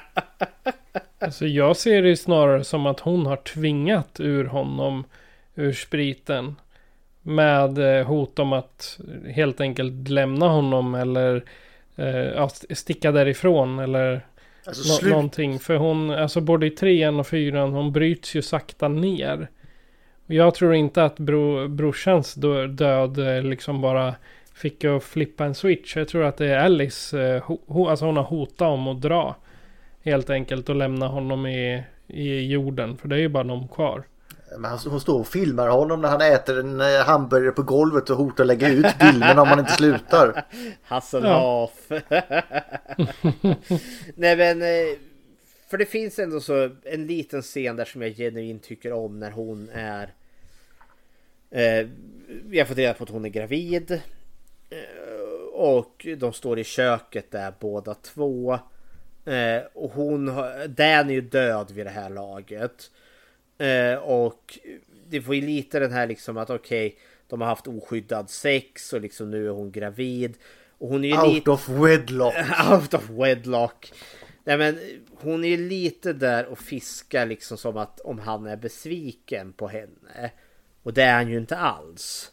Han är enormt stöttande och han han säger att han hoppas att det ska bli en pojke för det skulle vara roligt att höra eh, höra en pojke springa omkring här igen. Och för mig blir det en koppling till sonen som dog i förra filmen. Och jag, jag tycker det är lite fint ändå. Och samtidigt när eh, Dans föräldrar dyker upp och eh, vill ta eh, Alice ofödda barn där. Där ställer han sig också på henne. Han försvarar henne. Han går liksom inte i polemik mot henne. Så jag, jag är väldigt förtjust i den utvecklingen där han har gått från den här väldigt otrevliga icke-stöttande pappan som var fast i sitt eget missbruk, fast i sin egen sorg. Till att gå igenom en ny sorg idag, eller en gemensam sorg kanske med, med dottern där också. Och säkert som Alice har liksom vuxit till, till the occasion. Och han har skärpt sig. Men också gjort arbetet. Han Hur är långt är det mellan de här filmerna? Uh, ja. Det kan inte vara jättelång tid. Nej, det kan det inte vara. Ett eller två år kanske. I realtid gjordes de ju, trean, eller fyran gjordes ju 88 och den här kom ut 89. Eh, Så ska man gå i den aspekten så är det bara ett år emellan. Nej men då kör vi på det. Ja, då kör vi på det. Ja, men jag gillar honom. Jag gillar, det här är faktiskt en av bitarna som jag vill ge på pluskontot till den här filmen. eh, våran final girl då, Alice själv. Hon är en fucking vinnare. Jag fick med det. Ulf skickade just meddelande. Jaha, ja. Hon var med i. Stargate eh, New Generation. Eller jo, Eh, Stargate, okej, ja men det kör vi Nej, på. inte Stargate. Star Trek. New, New Generation. Next generation. Next Generation, förlåt. Alltså, där scenen, jag är ingen jävla trekkare så det... Ja, men jag, jag, jag hade också koll på det där och i, hon spelar i något avsnitt där, där hon är det visar sig att hon är en spion där. Hon, är utsedd för att lönnmörda en eh, senator eller vad det nu är. Eh, men eh, hon är ju söt och snygg så självklart kommer Riker där då. Den största manshoran i rymden någonsin. blir betuttad i henne. Och och så blir det lite så awkward där på slutet. Nej, jag måste ju mörda för det är ju det, är ju det jag måste göra. Och sen skjuter han henne med facern och bara vaporiserar henne till ånga. Så det Freddy Krueger inte klarade av i två filmer, det klarar Riker av i ett avsnitt på Star Trek. Karaktären Alice då? Eh, tankar kring henne? Förutom att hon är en vinnare då så... Ja. Ja, men det känns som hon har, hon har lite övertro på sin förmåga att möta Freddy tycker jag. Men det... Eh, men det är väl det här. Hon ska skydda sitt barn nu och så vidare. Ja, Ja. Jacob. Jacob där. Ja. Och hon är ju... Som sagt, du hade ju inte sett förra filmen. Men där, där gör hon ju en resa. Hon går ju från att vara en riktig musig karaktär. Som liksom, ursäkta, förlåt att jag finns. Och så blir hon ju... Ja. Ja, och så blir hon ju en riktig jävla badass i slutet och spöar Freddy så jävla hårt att han upphör att existera. Eh, det har de ju behållit, alltså hon, jag upplever ju inte att hon är rädd för honom. Men hon är ju däremot rädd eh, liksom åt sina vänners vägnar. För hon är ju fredad i den här filmen egentligen. Freddy kommer inte mörda henne. Inte förrän barnet är fött i alla fall. Men han vill ju prägla barnet. Ja. Så fram tills dess så är ju hon faktiskt ohotad av honom. Däremot så är ju hennes omgivning hotad av honom. Men stakesen är annorlunda här i och med just att hennes liv är inte hotat. Men som sagt, hennes omgivning och hennes ofödda barn är däremot hotad av honom. Men det ger henne en ganska stark agens ändå. Och hon tillhör fortfarande liksom de här ganska hårda Final Girls tjejerna. Eh, inte lika jävla benhård som Nancy Thompson som är min absoluta favorit Final Girl från första filmen. Men ja, terrorn på Elm Street har än så länge lyckats leverera riktiga kick-ass Final Girls och hon funkar ganska väl där. Plus också att hon känns mer vuxen i den här filmen. Och det ska hon ju vara också i och med att de har tagit examen och allt. Ja, Men när man tar examen i high school är det motsvarande typ gymnasiet då? jag tror det. Det är väl deras studenten. För sen, för sen går man upp till college sen och det är väl universitets motsvarighet. Ja. Det är där man hänger slipsar på um, dörrhandtaget och sånt där. Jajamensan, det är där.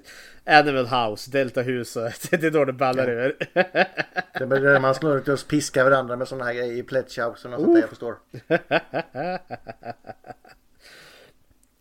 ja men jag... Men, eh, hon söker upp Freddy lite för mycket för min smak i den här filmen. Men det, det är väl det här barngrejen. Ja, och det är väl också kanske det som förtar den här spänningen i den. Det passar karaktären då dock. Att hon söker upp djävulstyget. Men en skräckfilm ska ju ändå så vara lite creepy och spooky.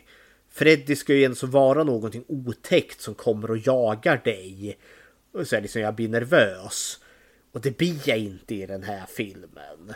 Det är liksom då hon aktivt söker upp honom hela Nej, då är det ju mer när han söker upp de andra kompisarna. Ja, men då är det nästan utgången redan på förhand given. Vi vet ju liksom att nu går det åt helvete för de här stackarna.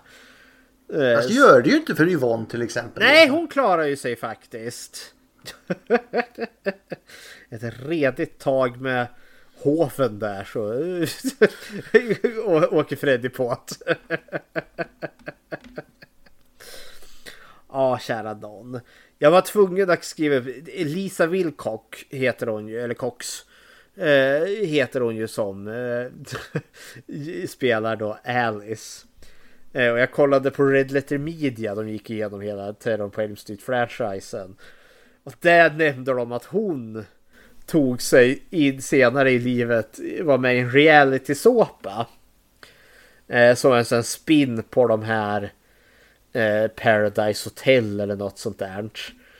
Som då heter MILF Manor.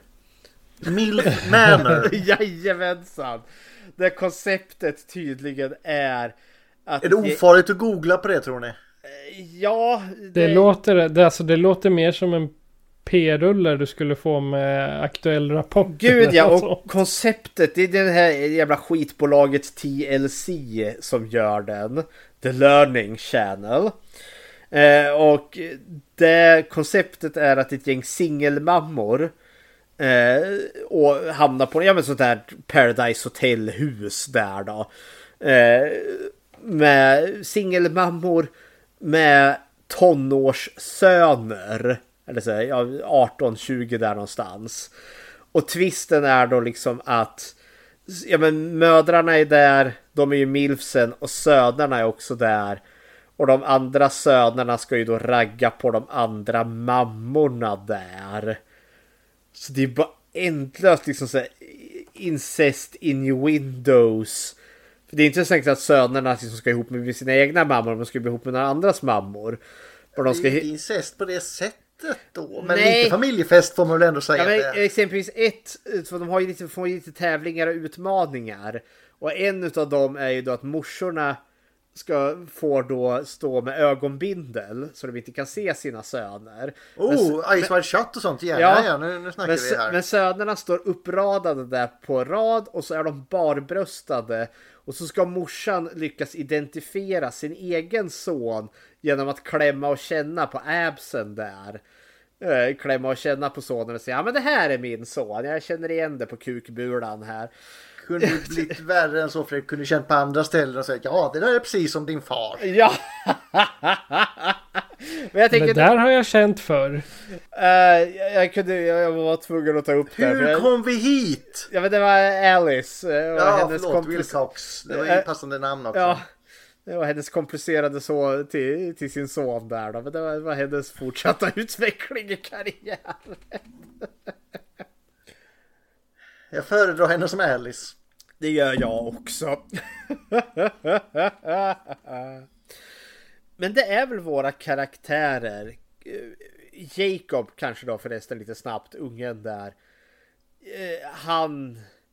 Jag vill inte tala illa om barnskådespelare men hade man inte kunnat hitta någon annan i den här?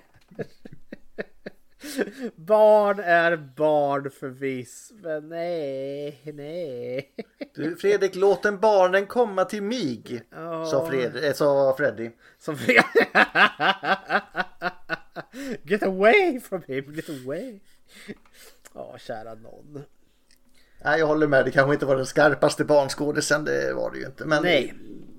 Men har Och du jag, koll? tycker, jag tycker ju inte om när de gör det här barndockan heller. Det ser ut som Voldemort när han är utan horcruxer.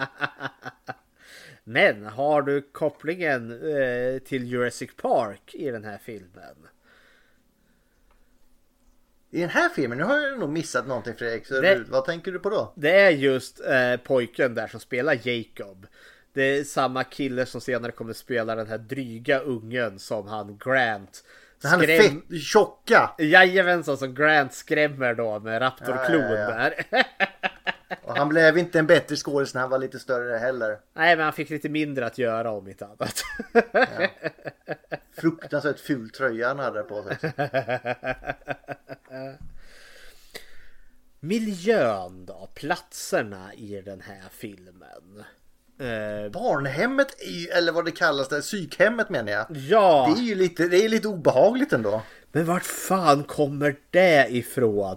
Alltså vi, vi har sett i de andra filmerna, alltså vi, vi, vi är återigen i Springwood. Och då har vi liksom kallt konstaterat vid det här laget att det är liksom ett ganska välmående medelklassområde. Vi har sett sjukhuset, det är också stort och överflödigt. Alltså det känns som att vi, det finns en poäng med den här serien att vi är liksom i måendes eh, medelklass Amerika där det ska vara tryggt och bra. Men där det inte för Freddy Krueger kan komma åt det där.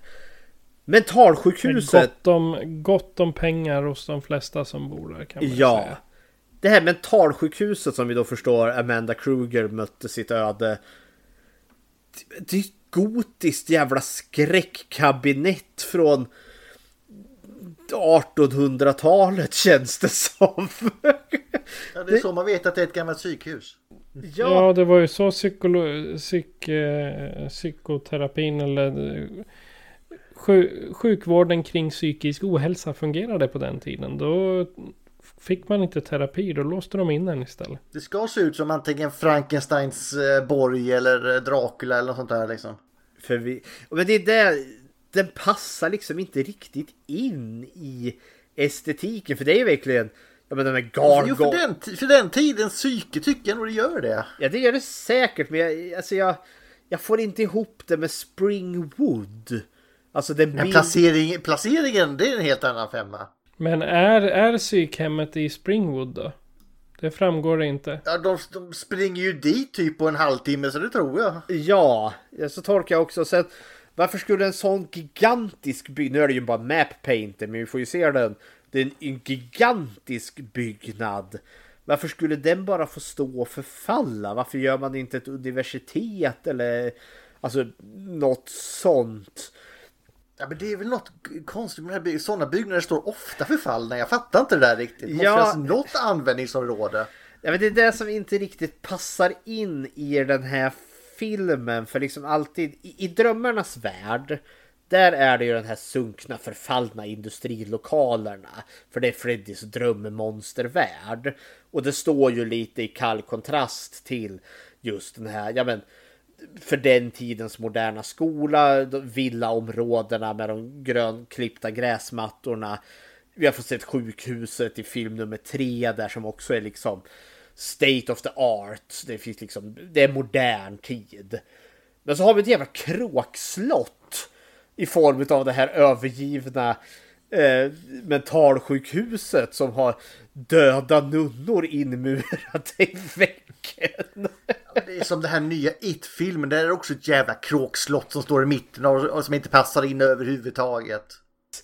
Men ja, mm, det är lite grej som clashar i den här filmen.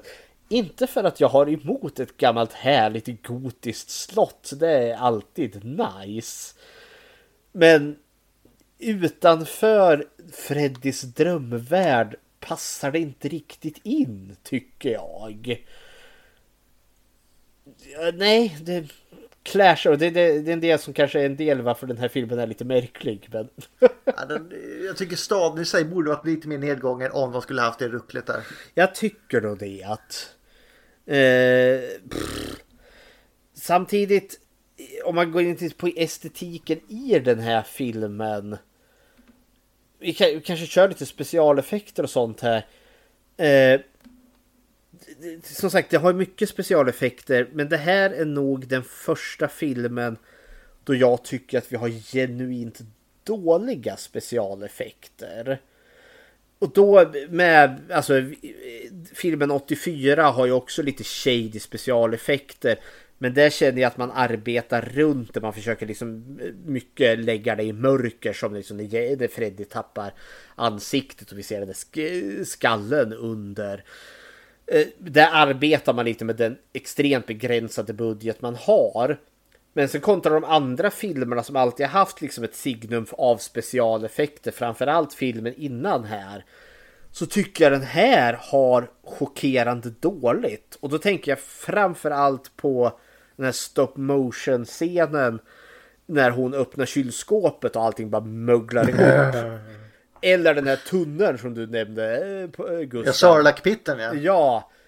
Är också chockerande dålig. Vad fan hände där? Nej, den borde man jobba sig runt på något sätt. Alltså, det var ju bara fult. Ja.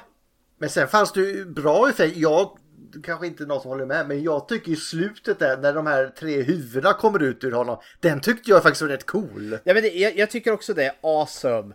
Eh, jag förstår inte en jävla sekund om vad fan det är som händer där. Men det är effektfullt värre. Eh, Ja, men där känner jag att det är hans sista offer, något som ska hjälpa till att dra honom mot eh, den här eh, morsan eller något. Ja, ja men det är en liten återkoppling till, för i film nummer fyra där så, vad heter det, Alice frigör alla själarna som han har stulit. Så kommer de loss och bara sliter han i stycken. Och här är ju de här tre, för det är de tre nya han har mördat. Så det är de tre själarna han har sugit i sig. Och det, det är coolt ändå. Eh, och det är klart tydligt liksom, man ser liksom att det verkligen är dem utifrån hur han har manglat dem i drömvärlden sen. Och jag ska villigt erkänna när, när Mark dör i, eh, i drömvärlden där i serietidningsvärlden. Det är en jävla häftig scen överlag. Allt är liksom den där monokrona bortsett från Mark där då. Det är nog den snyggaste dödsscenen i hela filmen skulle jag säga. Ja, den är minnesvärd tillsammans som den med, med Greta också är jävligt minnesvärd. Den sticker ut. Men sen flyger hon upp igen ju. Ja! ja men det är Inte det. lika snyggt kan jag säga. Nej, när hon är dockan där som han knuffar ner så går hon i tusen små bitar. Eh, Ja, kära värld. Men det, vi får ju ändå ta upp nu när vi är inne på den Ja. dödsscenen. Den det mest pajiga i hela filmen som jag tyckte var awesome. Super Freddy. Super Freddy, herre herregud. min. Det är både liksom, jag älskar det och jag hatar det. Jag, för jag, jag älskar det för att det är så corny. Det är så jävla dumt och roligt. Men det är ju inte läskigt någonstans. Nej! Och jag hatar det just av den anledningen just för att Freddy Krueger som ändå så har varit den här otäcka drömmonstret är nu verkligen bara en clownpåse. Samtidigt som man strimlar den här stackars killen så det, jag vet inte vad ska jag tycka, vad, vad är det ni vill att jag ska känna här egentligen? Ja, därför det är ju jättegroteskt. Vi förstår, för han Mark blir ju en se, pappfigur som han bara slicear sönder med sina klor. Vi förstår ju liksom att han, han blir ju skit. Det är ju jätteobehagligt. Men ja, Jag har lite musik till det. jag har ett ljudklipp här då. Vi får höra Super Freddy.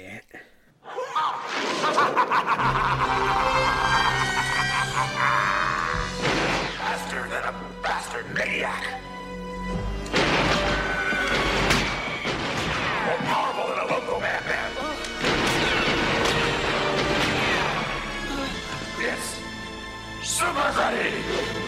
Told ya, comic books was bad for ya.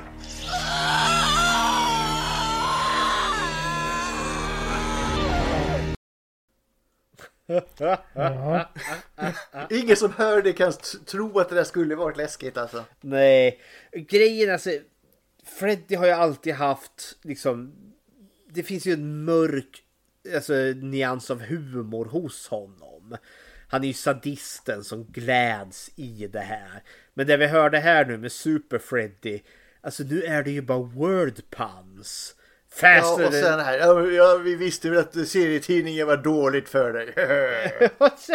Det är så fånigt. Det är inte läskigt någonstans. Det är typ dad jokes egentligen. Ja, det. Och jag har så svårt, jag vet inte om jag älskar det eller om jag hatar det. Jag, jag kan inte bestämma mig riktigt. Ja men det är både och för mig.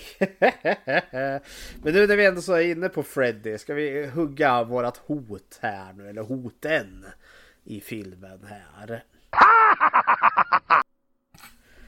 Vad tycks om Freddy Krueger i denna film? Man, sagt, som du har sagt, han är ju mer en clown än en... en får jag fråga, vad, vad är det epitetet Kru- Kruger är för någonting? Hjärnspöke eller vad är han för någonting? En demon skulle väl jag säga att han är. Jag tror vi har sagt det i, i varje avsnitt att vi, vi tolkar honom som en demon i alla fall. Ja, för det går ju, det går ju att spinna i. Man skulle ju kunna egentligen... Är han ett spöke? Han är ju en person, för i många så spökmytologier så är det ju du har dött en hemsk död när någon oförrätt har skett dig. Det var ingen oförrätt Fredrik. Nej, det var ingen oförrätt. Eh, eh, Men spinna på det. Nej, men, eh, och sen kommer han tillbaka. Det är ju ganska klassisk spökmytologi. Eh, och i grejen med han har ju också varit under den längsta att det är lite diffust. Vad är han för något? I film nummer 6 får vi ju reda på vad han är och det är där då demonen mer kommer in. Vi får förklaring till varför. Men med tanke på liksom att ja men religiösa kors, heligt vatten biter på honom så är han ju någonting väldigt oheligt i alla fall. Och det är ju någonting som jag i regel förknippar med liksom helvetet, djävulen. Eh, så demon har alltid varit något jag har tänkt honom som. Men som en människa som var så jävla ond och vidrig när han levde så att han i döden sen har han kommit tillbaka som en ond varelse. Men om, han, som levande hade han ju sitt modus operandi eller hans mördarsätt. Men har det att göra med alltså, att bli en mardröm för det? Alltså varför, varför går han in i just drömvärlden och gör det? Det är alltid det jag har funderat på. Varför tar han det här, alltså eh, typen av eh, demon? Alltså när han dör så är det ju föräldrarna som bränner honom. Alltså första gången han dör. Då är det föräldrarna som bränner honom för att de kommer åt honom. Men han vill ju åt barnen. Och när eh, om man då kan få tag i barnen utan att föräldrarna har möjlighet att skydda dem. Det vill säga i deras sömn. Nej, i deras drömmar. Ja, då, då har han ju egentligen han bara effektiviserat sitt mördande. Han har tagit in någon så här konsult och PR. eh, Hittar på något. Ja, vi måste ha en bättre, bättre funktionalitet här och vi ska effektivisera. Så vi ska Nej, slå in Six igen, Sigma. ja, ja, det är klart. Ja. Ja, exakt. Precis. Ja, men konceptet Freddy Krueger är ju förvånansvärt otäckt. Alltså den här sadistiska mördaren som kommer efter dig. Eh, men han gör det i drömmarnas värld. Det är ju extremt obehagligt för liksom, ja men till Michael, Jason, Ghostface och det gänget. En redig dörr kan ändå så hålla dem utanför. Men, och du kan liksom lägga dem, eh, de håriga på ryggen där och liksom eh, kuta iväg från fanskapet. Men Freddy i grund och botten, du kommer ju inte undan. Förr eller senare måste du somna. Det är det som, är, som jag tycker är liksom det briljanta, åtminstone med första filmerna, där liksom mördaren som kommer efter dig i drömmarnas värld. Eh, det är ju totalt borttappat i den här filmen, alltså läskigheten. Men jag vet inte heller, det kanske också är problemet så här långt in i en franchise. Att nu behöver vi få förklaringarna till vad Freddy är. Eh, men egentligen ju mer jag vet om honom desto mindre otäck är han. Eh, för mig funkar bara den här diffusa konstiga mördaren som eh, hugger dig i drömmen. Det är mycket mer effektfullt än att jag behöver få hela hans bakgrundshistoria. Ja, ja och nej. Det är intressant med Origins alltid kan jag tycka. Men, eh, om vi, tar, vi har Hans krafter, eh, mardrömsgrejen där. Men vad, vad har den för svagheter egentligen? Förutom att man vaknar, men då kan du bara söka upp när han somnar om liksom. Ja, eh, svagheterna ska ju vara den här att Ja, man... för, och mamman då. Ja. Han är en mammas boy. Ja. Han har Nej. mamma issues. Nej, inte han. Det är Jason har mama issues. Den här fanskapet har väl inga sådana direkta...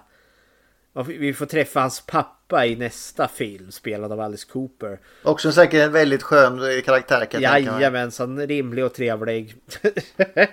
Nej men eh, hans svagheter är ju egentligen bara den här att eller som har gått och blivit kanon på något vis och vänster är ju just den här eh, får, du kan ta ut den i verkligheten. Om du vaknar när du håller i han typ eller något sånt där. Då får man ut honom. Annars har ju filmerna varit jättediffusa. Ja, liksom, varje film känns som att man måste hitta på något nytt för att besegra honom. Men jag kan tycka att det gemensamma för samtliga filmer är att han livnär sig på våran rädsla.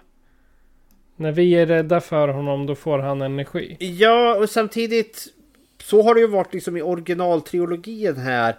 Men så här nu inne i fyran, femman, då spinner man ju mer på att han stjäl själarna från de som han dödar. Eh, och att det, vad heter det, ger honom kraft. Eh, och det är ju en grej, alltså i, i film nummer fyra så frigör man ju dem allihopa. Så egentligen i film nummer fem är, är han liksom lite klenare, lite svagare. Och det hintar jag också liksom på för han gömmer ju sig i Alice får vi reda på sen i slutet där. I den här filmen har jag alltid tolkat att vi har att göra med en ganska klen Freddy Krueger ändå. Eh, och att hans endgame... Ja, vad är hans endgame i den här filmen? Men han vill, han vill ju leva igen genom Jacob. I hans drömmar. Men ska han återfödas alltså fysiskt? Nej, jag tror att han ska leva i hans sinne, alltså på något sätt. Han, han kan nog inte ta kroppslig form. Ja, för om vi ska spela, för i film nummer två har vi den här eh, när han besätter Jesse. För där har vi ju Freddy Krueger som kommer in i verkliga världen. Eh, I slutet där. Så om man ska spinna på det så eh, om vi kör en sån någon form av samlad kontinuitet så har vi att Freddy Krueger faktiskt kan ta sig in i verkligheten. Uh, ska jag tolka det då som att i och med att han matar ju själarna till Jacob. Och, och då liksom blir han successivt starkare. Att liksom Jacob ska bli den nya Freddy Krueger. Eh, att när han föds då är det egentligen inte Jacob som föds utan det är Freddy Krueger som föds. Eller ska det vara två stycken? Ska det vara liksom far och son, Freddy och Jacob? Ja, Jacob säger i en scen, han, eh, han vill att jag ska bli som honom. Ja, ja, ja. Han säger ju där i en scen, han, han springer till Alice och säger du måste hjälpa mig, bla bla bla bla. Han vill att jag ska bli som honom. Ja, det... Det är svårt. Ja, det, det är svårt att gå in på djupet. Grejen är den för som i film nummer fyra Linda och jag snackade om det för det är också sådär vad fan hände på slutet? För där är liksom eh, Alice sliter fram en spegel och så Freddy ser sig själv och det besegrar honom. Då liksom. Varför? Ja, Linda och jag kunde inte svara på det. Okay. Men det är då alla stjärnorna plötsligt kan frigöra sig själv och sliter han i stycken när de gör det. Här får vi ju ändå så liksom att Amanda ändå så kan styra, men det är också så här. Hon säger till Jacob frigör allt det han har gett dig. Och då kräks han ut en pelare av kött ser det ut som. Som hugger in i Freddy. Och ut ur ryggen kommer de här nya stjärnorna, de här tre som han har mördat. Och sliter ut och då åker hans barn, eller baby Kruger ut ur ryggen på han. Var på vuxna Kruger bara upphör att existera. Och sen tar, det är lite så, sen, sen tar mamman tillbaka det hon har gett Kruger. Hon, hon, han får hoppa upp i snippan igen liksom. Det... Ja, hon liksom offrar sig och liksom sluter han i sitt, ja. i sitt sköte där. och en annan sån fråga som man börjar ställa sig med de här filmerna. Hur kom han tillbaka? I film nummer fyra hintas det ungefär som att det kommer en hund och kissar eld på hans grav. Och då hoppar han till liv igen. I den här jag frågar om den där hunden i så fall. Ja, jag har också frågat om den hunden. I den här filmen så börjar jag också bara med, för vi är bokstavligen tillbaka i slutet där eh, fjärde filmen slutar där hon bataljerar ner honom i den där kyrkan. Och där ploppar han bara till liv igen. Men det har inget att göra med de här jävla eh, ramsan som de där ungarna sjunger. Nej men det sjunger de ju i varje film. Ja men jag om det har något med det att göra. Jag vet inte om det har uppstått något som jag missat. Nej, de är väl alltid som ett signum. Om, om det står barn klädda i vitt och hoppar hopprep och sjunger ramsan. Då vet jag springer alltid åt andra hållet. Det är aldrig någonting gott som har kommit ur det. Nej. Fråga vilken film som helst. Mm.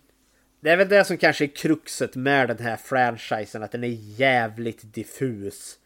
Med vad, vilka regler det är som gäller.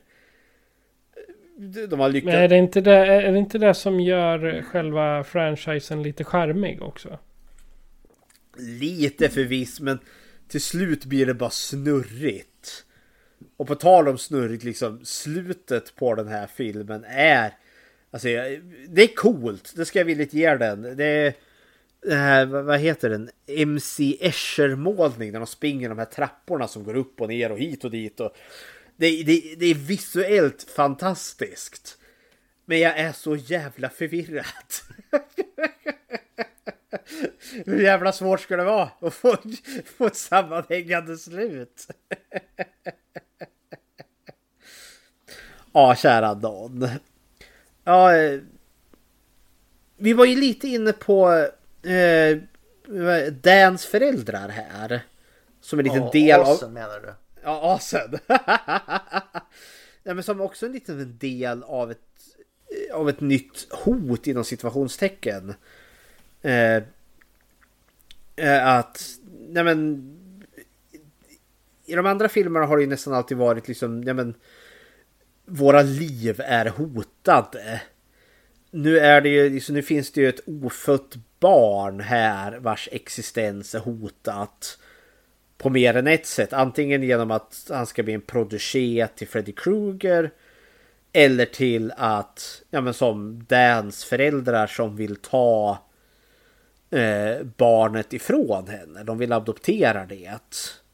Ja, det Vi vill bara att det ska that. göra det enkelt. Vi vill, vi vill barnets bästa. Ja. Nej, ni vill ert eget bästa. Alltså jag tycker den biten eh, är för mig nu när jag såg om den här den starkaste scenen i hela den här filmen. Alltså när, den här filmen vart genuint intressant. Eh, Dans föräldrar, de, de har förlorat sin son. De är förkrossade såklart.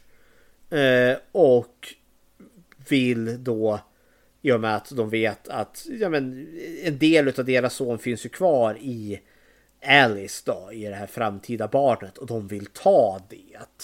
Det räcker väl att ha barnbarn? Ja, så, jag, så tänkte jag också liksom. Ja, men involvera er snarare i hennes liv. Bli We en- have a claim to it. Ja, för det är så, det är så jävla grovt. Vi vill ta barnet. Det är nästan så här. Du är singel, du kan inte ta hand om dem. Nej. och det, Ja. ja. Och sen då kasta det i ansiktet på henne också. Mhm. Vi tror inte att du klarar av det. Ja, och samtidigt det finns ju en slitning där. Jag upplever det, är ju- det är ju morsan där som är den mest drivande. För jag upplever att hennes make är ju lite ursäktande där ändå. Liksom som att han, han inser hur, hur opassande det här är. Men han är väl där för att ja, hans fru är, är väl liksom förkrossad bortom vett och sans. Toffel. Ja, nej men det, här finns det ju plötsligt vart det intressant på riktigt. Fan, hade vi inte kunnat få spinna vidare på det här liksom? Effekterna utav Freddy Krugers illhärjningar. Det hade kunnat bli en sån mycket, om man nu verkligen ville göra det här till en mörkare, mer seriös film. Alice agerar och säger saker inte helt rationellt heller. Så hon verkar ju lite wacky i det här eh, samhället och Förviss, förviss. Men mm, det är det här som är det luriga med film. För plötsligt dyker det upp grejer som jag tycker är briljant och trevligt. som blir intressant. Men sen kommer också Super Freddy. Mitt i alltihopa. Stakesen är annorlunda här. Det, det känns lite mer vuxet. På det sättet i och med att vi har det här liksom föräldraskapet. Vi har liksom frågan om abort dyker ju upp också. Ett sätt att bli av med Freddy i den här är ju då att göra abort. Eh, vilket jag förstår också när hon säger att hon inte vill. Så det, det finns vuxna stakes eller vuxna teman här. Som jag tycker är jätteintressanta. Men som bara faller med Super Freddy och The Sarlacc Pit som ser för jävlig ut. Hade de gjort den här filmen idag så hade ju det uttalandet varit extremt kontroversiellt om förslaget om att hon skulle göra abort. Det hade ju fått mötts av mycket kritik Alltså hon, i USA. Ja, just Ruby Wade där och allt. Mm, Det här med rätten till sin egen kropp är ju inte sådär jätte... Ja, det kan man tumma på. Ja, kära värld. Men jag tänkte innan vi går in på själva själva mördertrainet här Mhm. så kanske vi ska prata lite om musiken. Ja, the main theme till den här. Om vi lyssnar så kan vi komma med lite åsikter. Så. Ja, vi får väl gå på ett lite för den här, den här hade väl lite en viss uppbyggnad innan själva musiken kom igång. Ja, Så- den har, det är nä, nästan 40 sekunder så jag, jag hoppar in ungefär en minut in. Nej men, men, ta, nej men ta lite från början ändå. Vi behöver inte ta precis allt exakt men det är ändå så en del i. Yes.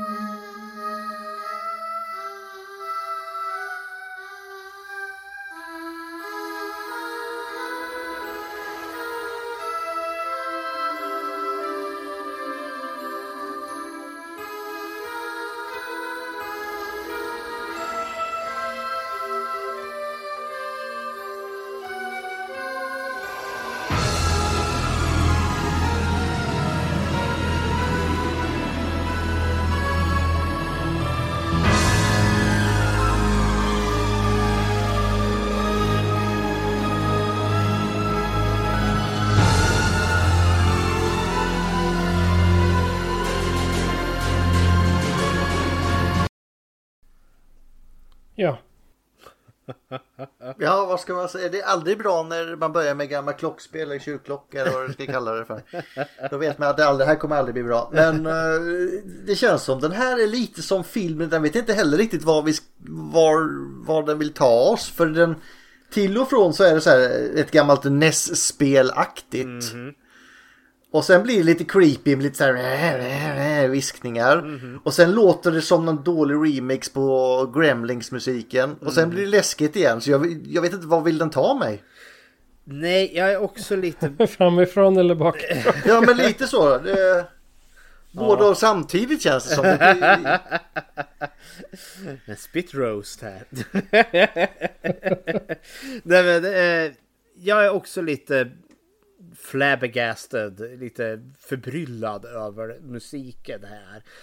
Dels terrorn på Elm Street, alltså med första filmen har vi ju soundtracket till, alltså Freddy, till hela den här serien. Det är där man förknippar med terrorn på Elm Street. Och den är ju så ikonisk och så bra. Eh, jag, jag har sagt det förr och jag säger det igen här. Liksom. Det, det är ju som eh, John Carpenters Halloween. Den franchisen har ju haft vett att använda den musiken. Även om man har gjort variationer på den. Men här är det nästan som att varje film har introducerat någonting nytt. Uh, och det här är liksom så otroligt långt ifrån. Jag har liksom inte ens en hint av originalmusiken kudos liksom att vilja göra någonting eget såklart. Men det kommer inte ens nära, tycker jag. det finns ju inget som är liksom minnesvärt och ikoniskt med den här. När vi redan har ett soundtrack som är så in i helvete ikoniskt. Men visst, lite spooky är det väl. Musiken, helt klart. Lite det han viskar med annars, nej jag tycker den är mer komisk faktiskt. Okej. ja. Nej, men jag får tanken gå till ett gammalt Nintendo-spel eller något. Ja, och det, det, det, känns inte riktigt genomtänkt. Och det ska man väl också ge lite så här fun facts till den här att den här filmen stressades ju fram. Och det kanske märks lite dels både i musik, specialeffekter, manus det gick för snabbt när de gjorde Vad har du för budget jämfört med de andra då? Grejen är att samtliga de här filmerna har ju inte haft särskilt hög budget. De ligger ju på, jag tror första filmen hade väl ungefär 1,2 miljoner dollar. Sen har... Största budgetgrejen är väl Robert Englund då? Väl? Ja, det vart det ju. Och sen har ju jättemycket gått åt i själva specialeffekterna. Jag tror att de gemensamt låg på från film 3 och framåt där liksom låg de ändå kanske på en 5-6 miljoner i budget. Men man kan också ta för film nummer 4 den spelade in ungefär ge ta här med 45 miljoner i vinst där. Film nummer 2, 5 spelade in 20 miljoner. Så det är liksom hälften så eh, framgångsrik som filmen innan. Fortfarande framgångsrikt. Fortfarande framgångsrikt men det är ju ett jävla tapp om inte annat. för den här... Det är ju så, så himla tradigt för att de har inte ens skrivit ut eh, den ungefärliga budgeten på IMDB. Jag hittar inte någonstans vad den Nej. budgeten skulle ha varit på den här. Men en tiondel av originalet kan jag tänka mig. Ja, nej men eh, det är märkligt ändå så liksom när förra filmen, fjärde filmen var den mest inkomstbringande de hade gjort. Då tänker jag liksom att ja, men då kanske vi vill satsa lite, inte stressa fram en produkt. Eh, budget var 8 miljoner oh. också för 22. se där, se där. Ja, kära värld. Jaha, är det dags för uh, Murder Train här? Who wants to talk about murders? jag, jag! Nej, nej, Fredrik, kom igen Ja, men vi, samma som med eh, när vi körde Halloween så räknar vi ju uh, the greatest hits där. Eh, och Michael Myers landade ju på en blygsam siffra utav 163 mord. Eh, Freddy Krueger står ju inte, han spelar inte riktigt i samma liga. Han står ju för eh, kvalitet, inte kvantitet. Såg vi samma film Fredrik? ja, nej, det kanske inte. han har i fram till films eh, nummer fem här så har vi sammanlagt 48 mord. Och då börjar vi med den här då. Film, mord nummer ett. Det är ju då på Dan, pojkvännen där då, som eh, tydligen somnar i bilen trots att han liksom är på väg för att undsätta Alice där då när han har blivit varnad att Freddy Krueger finns igen. Men somnar han där i lastbilen skulle vi, kan man inte bara ge den till Freddy. Hade han dött vilket fall som helst. Förvis, förvis. Nej men han... Eh, han ha, hamnar ju i en bilolycka. Eh, åker ut genom fönsterrutan. Eh, sätter sig på en motorcykel. Motorcykeln kommer till liv. Får ett Freddy-ansikte i eh, bensintanken där. Och börjar liksom smälta samman med honom. Så han liksom... Det var ju skitcoolt ju. Det är fantastiskt. Det är liksom de, lite så här, vad heter han, Giger, alien-eskt. Där liksom maskin och, och människa fusas samman där då. Och så kommer han åkandes där i någon grotesk uppenbarelse. Bara för att sen då precis i sista ögonblick slå upp ögonen så är han tillbaka i lastbil eller i sin pickup. Men då är han ju på fel sida vägen och så frontar han rakt in i en lastbil och så dör han i olyckan. Oh no. Mord nummer två. Men är det där Freddy har tagit över kroppen också? Typ säger wanna make babies? Eller vad ja just det, där på slutet där. Ja det... Ja. Vette fåglarna hur han gjorde det. Men ja, hepp. Som sagt, mord två, då är det ju G Greta. Eller Greta. Ja, Greta. Greta. Greta är bättre, vi är i Sverige. Som då eh, blir lite tvångsmatad utav Freddy Krueger här. Där han då, eh, vad heter det, skär upp en liten docka som ser ut som henne. Och så gröper han ut det. istället för klorna så har han nu fått liksom som en Eh, som en stor sked där istället och så gröper han ut. Och matar henne så att kinderna bara bölsar ut där då och så kvävs hon då på eh, vad heter det, matresterna. Det här är andra gången vi drabbas av filmcensur. Det första var ju det första mordet i Tina i första filmen när hon ramlar ner i sängen och en kaskad av blod slår upp. Det saxades bort. Alltså i, i, överallt eller bara i Sverige? Eller? Överallt. Överallt, okej. Okay.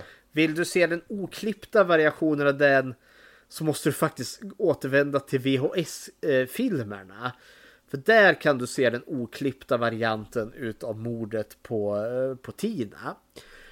Men, det finns full och full streama också. Säkert. Med och det, det mordet. Och det finns deleted scenes och sådana saker. Men, jag, skulle gissa, jag skulle gissa att vi kan söka den på Mm. Youtube också kanske. Ja, för mordet på Gre Greta här är sjukt mycket mer grotesk. Så efter att han börjar tvångsmata henne där, den scenen är så mycket längre.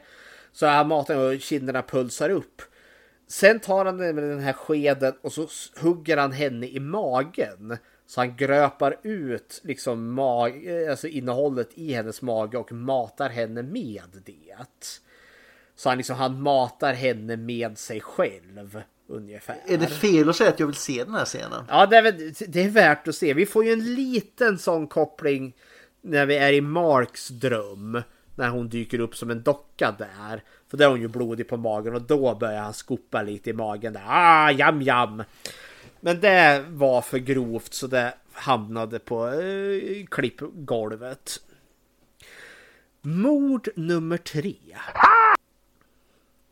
Och det här då som är en definitionsfråga som vi får eh, fråga här då. Det är då nämligen Amanda, Amanda Kruger, nunnan. Där då som är inlåst eller hittas då i på det här mentalsjukhuset. Eh, och det här då som jag undrar. För, för filmen dels ger den lite information om att ja, men hon tog livet av sig. Hon hängde sig. Men sen är det ju en grej också att hon har ju inte hamnat i vigd jord och de behöver hitta hennes kvarlevor för att liksom frigöra henne. Och det är ju Yvonne som hittar henne i det här övergivna mentalsjukhuset och hon måste liksom slå ner en inmurad dörr. Och där sitter hennes liksom då skelett. Och då tänkte jag, är det här som så att Freddy mördade henne genom att mura in henne levandes medan hon fortfarande levde? Men jävla konstigt rum att göra det i ett rum med fönster. Nej, jag, jag vet inte, men alltså för min, eller... Alltså, jag tänkte också på att hon var inmurad, men jag förstår inte. Jävla konstigt ställe att göra det på. Nej, men för det här som är en definitionsfråga för mig liksom är... Jag, jag tolkar det som att hon har blivit inmurad levandes. Ja, i och med att hon inte fick fri. Det är säkert något sånt. Ja, ja för jag tänkte hade hon varit hängd. Då hade hon ju ändå så blivit begravd. Då hade hennes kropp legat på en kyrkogård. Och då hade hon ju ändå så liksom fått frids... Eh, alltså hon hade blivit begravd i vigd jord. Och det är en sån grej att hon inte har blivit. Så jag vill nämligen säga att Freddy har då kommit åt henne medan hon fortfarande levde tänkte jag. Medan han, eller medan han fortfarande levde till och med. Innan han har blivit drömdemonen. Behöver inte vara Freddy. Det kan vara att de, här, eh, de verkar inte vara så jävla kapabla de som jobbar på eh, psykhemmet heller. Ja, men det känns väl inte orimligt att han liksom ändå så i vuxen ålder där har sökt sig efter henne och det här sjukhuset är ju liksom övergivet sedan länge. Och han har då murat in henne där levandes. Jag, jag, vet inte varför jag sitter och skyddar Fred. Vi kan ge honom den tycker jag. Vi ja. ger honom den. ja men då så. Då är mord nummer tre då på Amanda. Då är det utrett. Juryn säger skyldig. Ja, skyldig. eller du, du har något annat Patrik där. Eller du också med i juryn. Ja, jag, jag går med i, i juryn. Då så. så då var det, bödel lät det snarare som. Men var... Ja men bödel. Det var, jag hade ingen sån här hammare. Du vet. Ah. Juryklubba. Så då var det en kniv istället. Då så. Tage vad man haver. Mord nummer fyra. Det är ju då på Mark, våran eh, serietidningskille där då. Som eh, möter Super Freddy där. Men som då blir förvandlad till en pappersfigur. Varpå han river honom i tusen små bitar. Och är också en av de mer minnesvärda mordscenerna i den här liksom seriefilmer. Eh, och vi får se en blodig hand sticka fram där sen. Så det, då får vi liksom kopplingen att han har blivit slicead till skit i verkliga livet.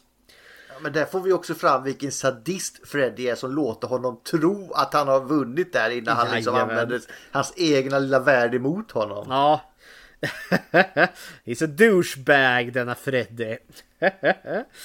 Men då, då är det allt som allt fyra mord i den här filmen. Och då har vi då gått från 48 totalt till 52 döda. Varav 29 av dem är män och 23 av dem kvinnor. Har vi någon åldersgrej på detta också? Är det bara ungdomar han har ihjäl? Äh, alltså han har ju, ja än så länge, visserligen Nancy Thompsons eh, pappa dör ju av hans hand i Men tredje 90 procent är väl high school ungdomar i princip? Ja, och en jättestor klick är ju till och med yngre än så, alltså barn i ålder typ 67. 20 av dem är ju från när han fortfarande levde. Just det, just det. Ja, så hepp hepp. Um, men då ska jag fråga om du har gjort något Bechteltest på den det här? Det har jag. Apropå barnamord. Apropå barnamord. Jag vill ha en kvinnlig representation i film och vi för ju tesen att skräckfilm är ju den som faktiskt klarar det bäst. Även om skräckfilm med all rätt också eh, kan beskyllas för att ha jävligt sunken kvinnosyn. Vadå, det är alltid tjejer som överlever ju. Ja, fast det är också alltid tjejer som är naken och dör i duschen. ja, ja, ja. Man kan inte ha ena utan andra. Nej, det är förstås, det är förstås. Frågorna är ju tre som sagt. Fråga nummer ett. Finns det två eller fler namngivna kvinnor i filmen? Ja, det gör det. Vi har ju Alice, vi har Greta, eh, vi har Yvonne och vi har Amanda Kruger. Fråga nummer två. Möter de någonsin varandra? Ja, Alice möter samtliga kvinnliga karaktärer i den här filmen.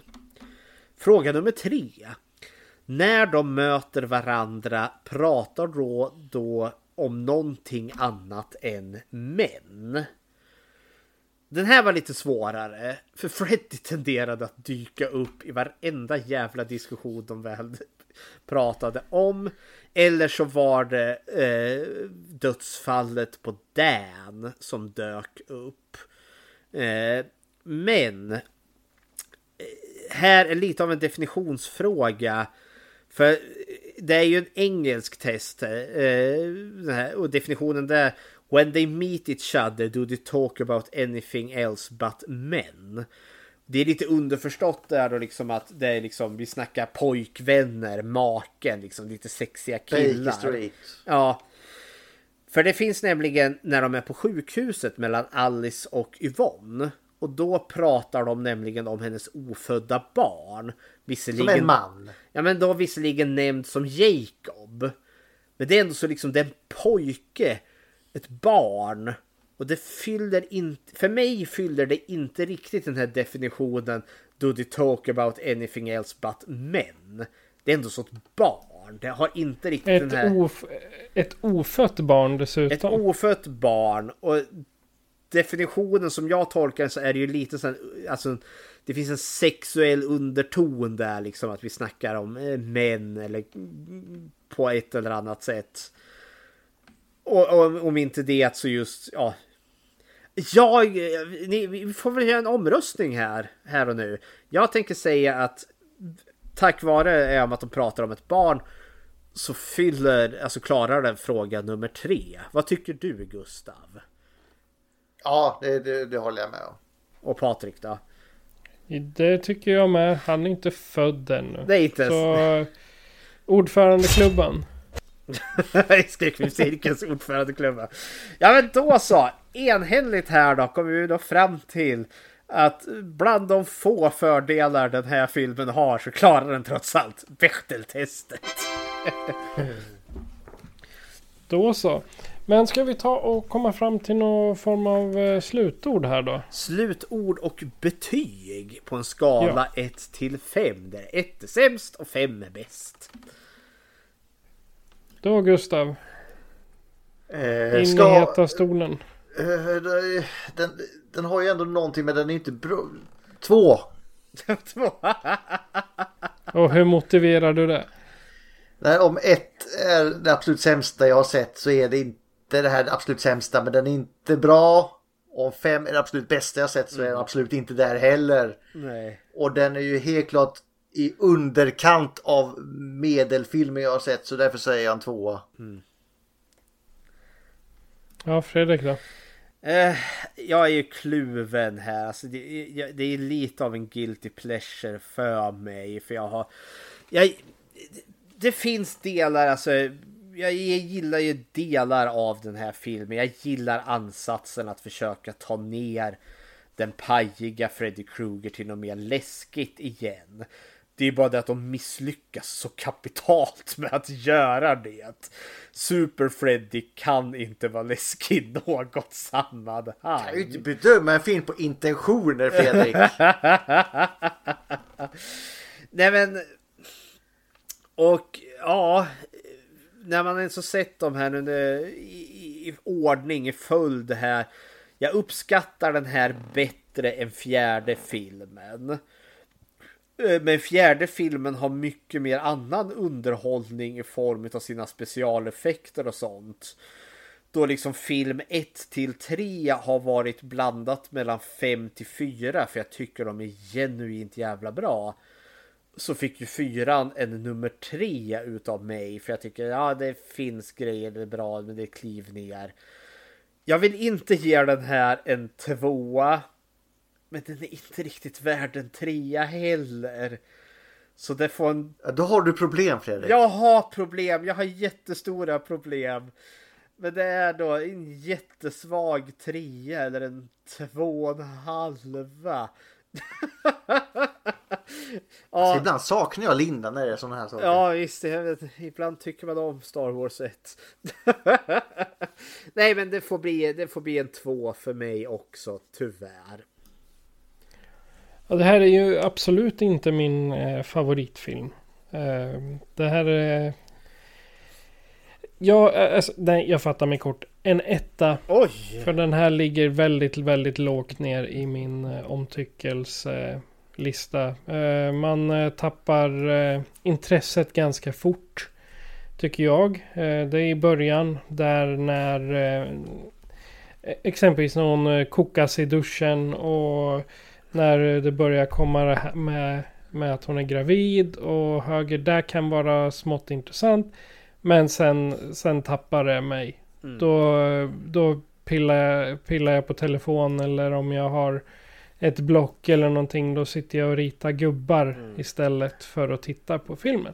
Och det är ett dåligt betyg när det kommer från mig. Så en etta ifrån mig. Eh, du sa det, jättebra par. Hur fan kunde jag glömma den scenen i duschen i början där? Mm.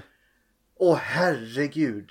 Nog för att det är en dröm. Mm. Men när man står där och det kommer upp brunt ur avloppslampan. Ah. Inte det första man gör att köra ner näven i det i alla fall. Ah, nej, det reagerade jag också på. För en annan hade blivit bara herregud, jag står upp till anklarna i vatten och nu kommer det upp liksom avloppsvatten. Jag hade liksom åh, här, jag, jag, ska sträcka mig ut ner och få upp en bajskorv då eller? Nej, det är jag inte så sugen på. Jag gör allt för att stänga av och gå ut därifrån. Ja. Alltså den reaktionen finns ju inte. Nej. Men det är, det är som sagt det är typ den enda bra scenen som jag kan hitta i den, i den filmen. Annars så är jag... Nej. Annars så tappar det mig totalt. Ja, alltså det, det var ju en bra drömscen. Ja, det, det är det. Reaktionen ja, ja. var fucking konstig. Ja, kära yes. Det var A Nightmare on Elm Street 5 Dreamchild. Och om du som lyssnare då vill gnälla på den här, tycker att mitt betyg är för lågt eller att det är för högt. Ja, ni gör så här för att kontakta oss. Skräckfilmscirkeln presenteras av Patrik Norén och Fredrik Rosengren. Produktion FPN Productions. Besök skräckfilmscirkeln.com för att hitta var du kan lyssna på oss hur du kan stödja oss och hur du kan kontakta oss. Vill du diskutera filmerna i avsnitten är du välkommen att gå med i gruppen Skräckfilmscirkeln Eftersnack på Facebook. Tack för att du lyssnar.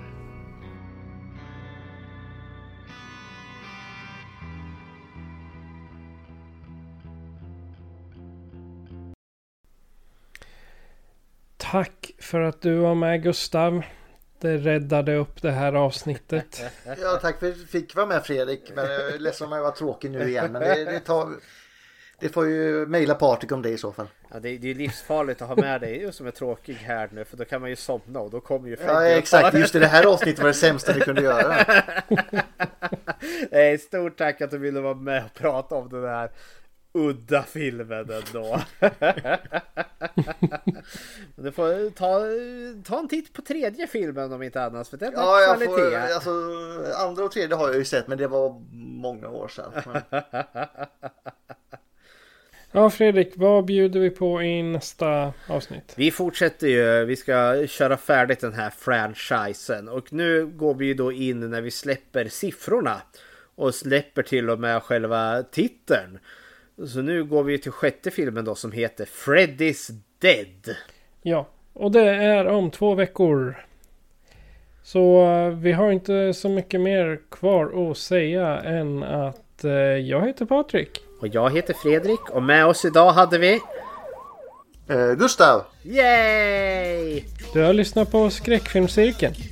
Adjö på er. Adjöken. Bye.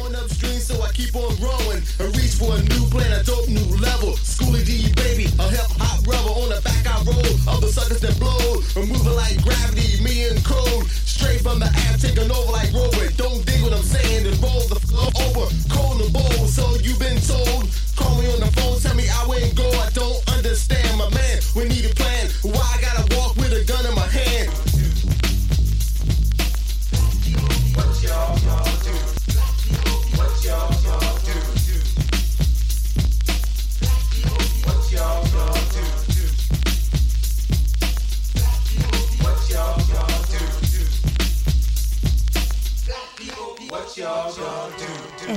FPN Productions.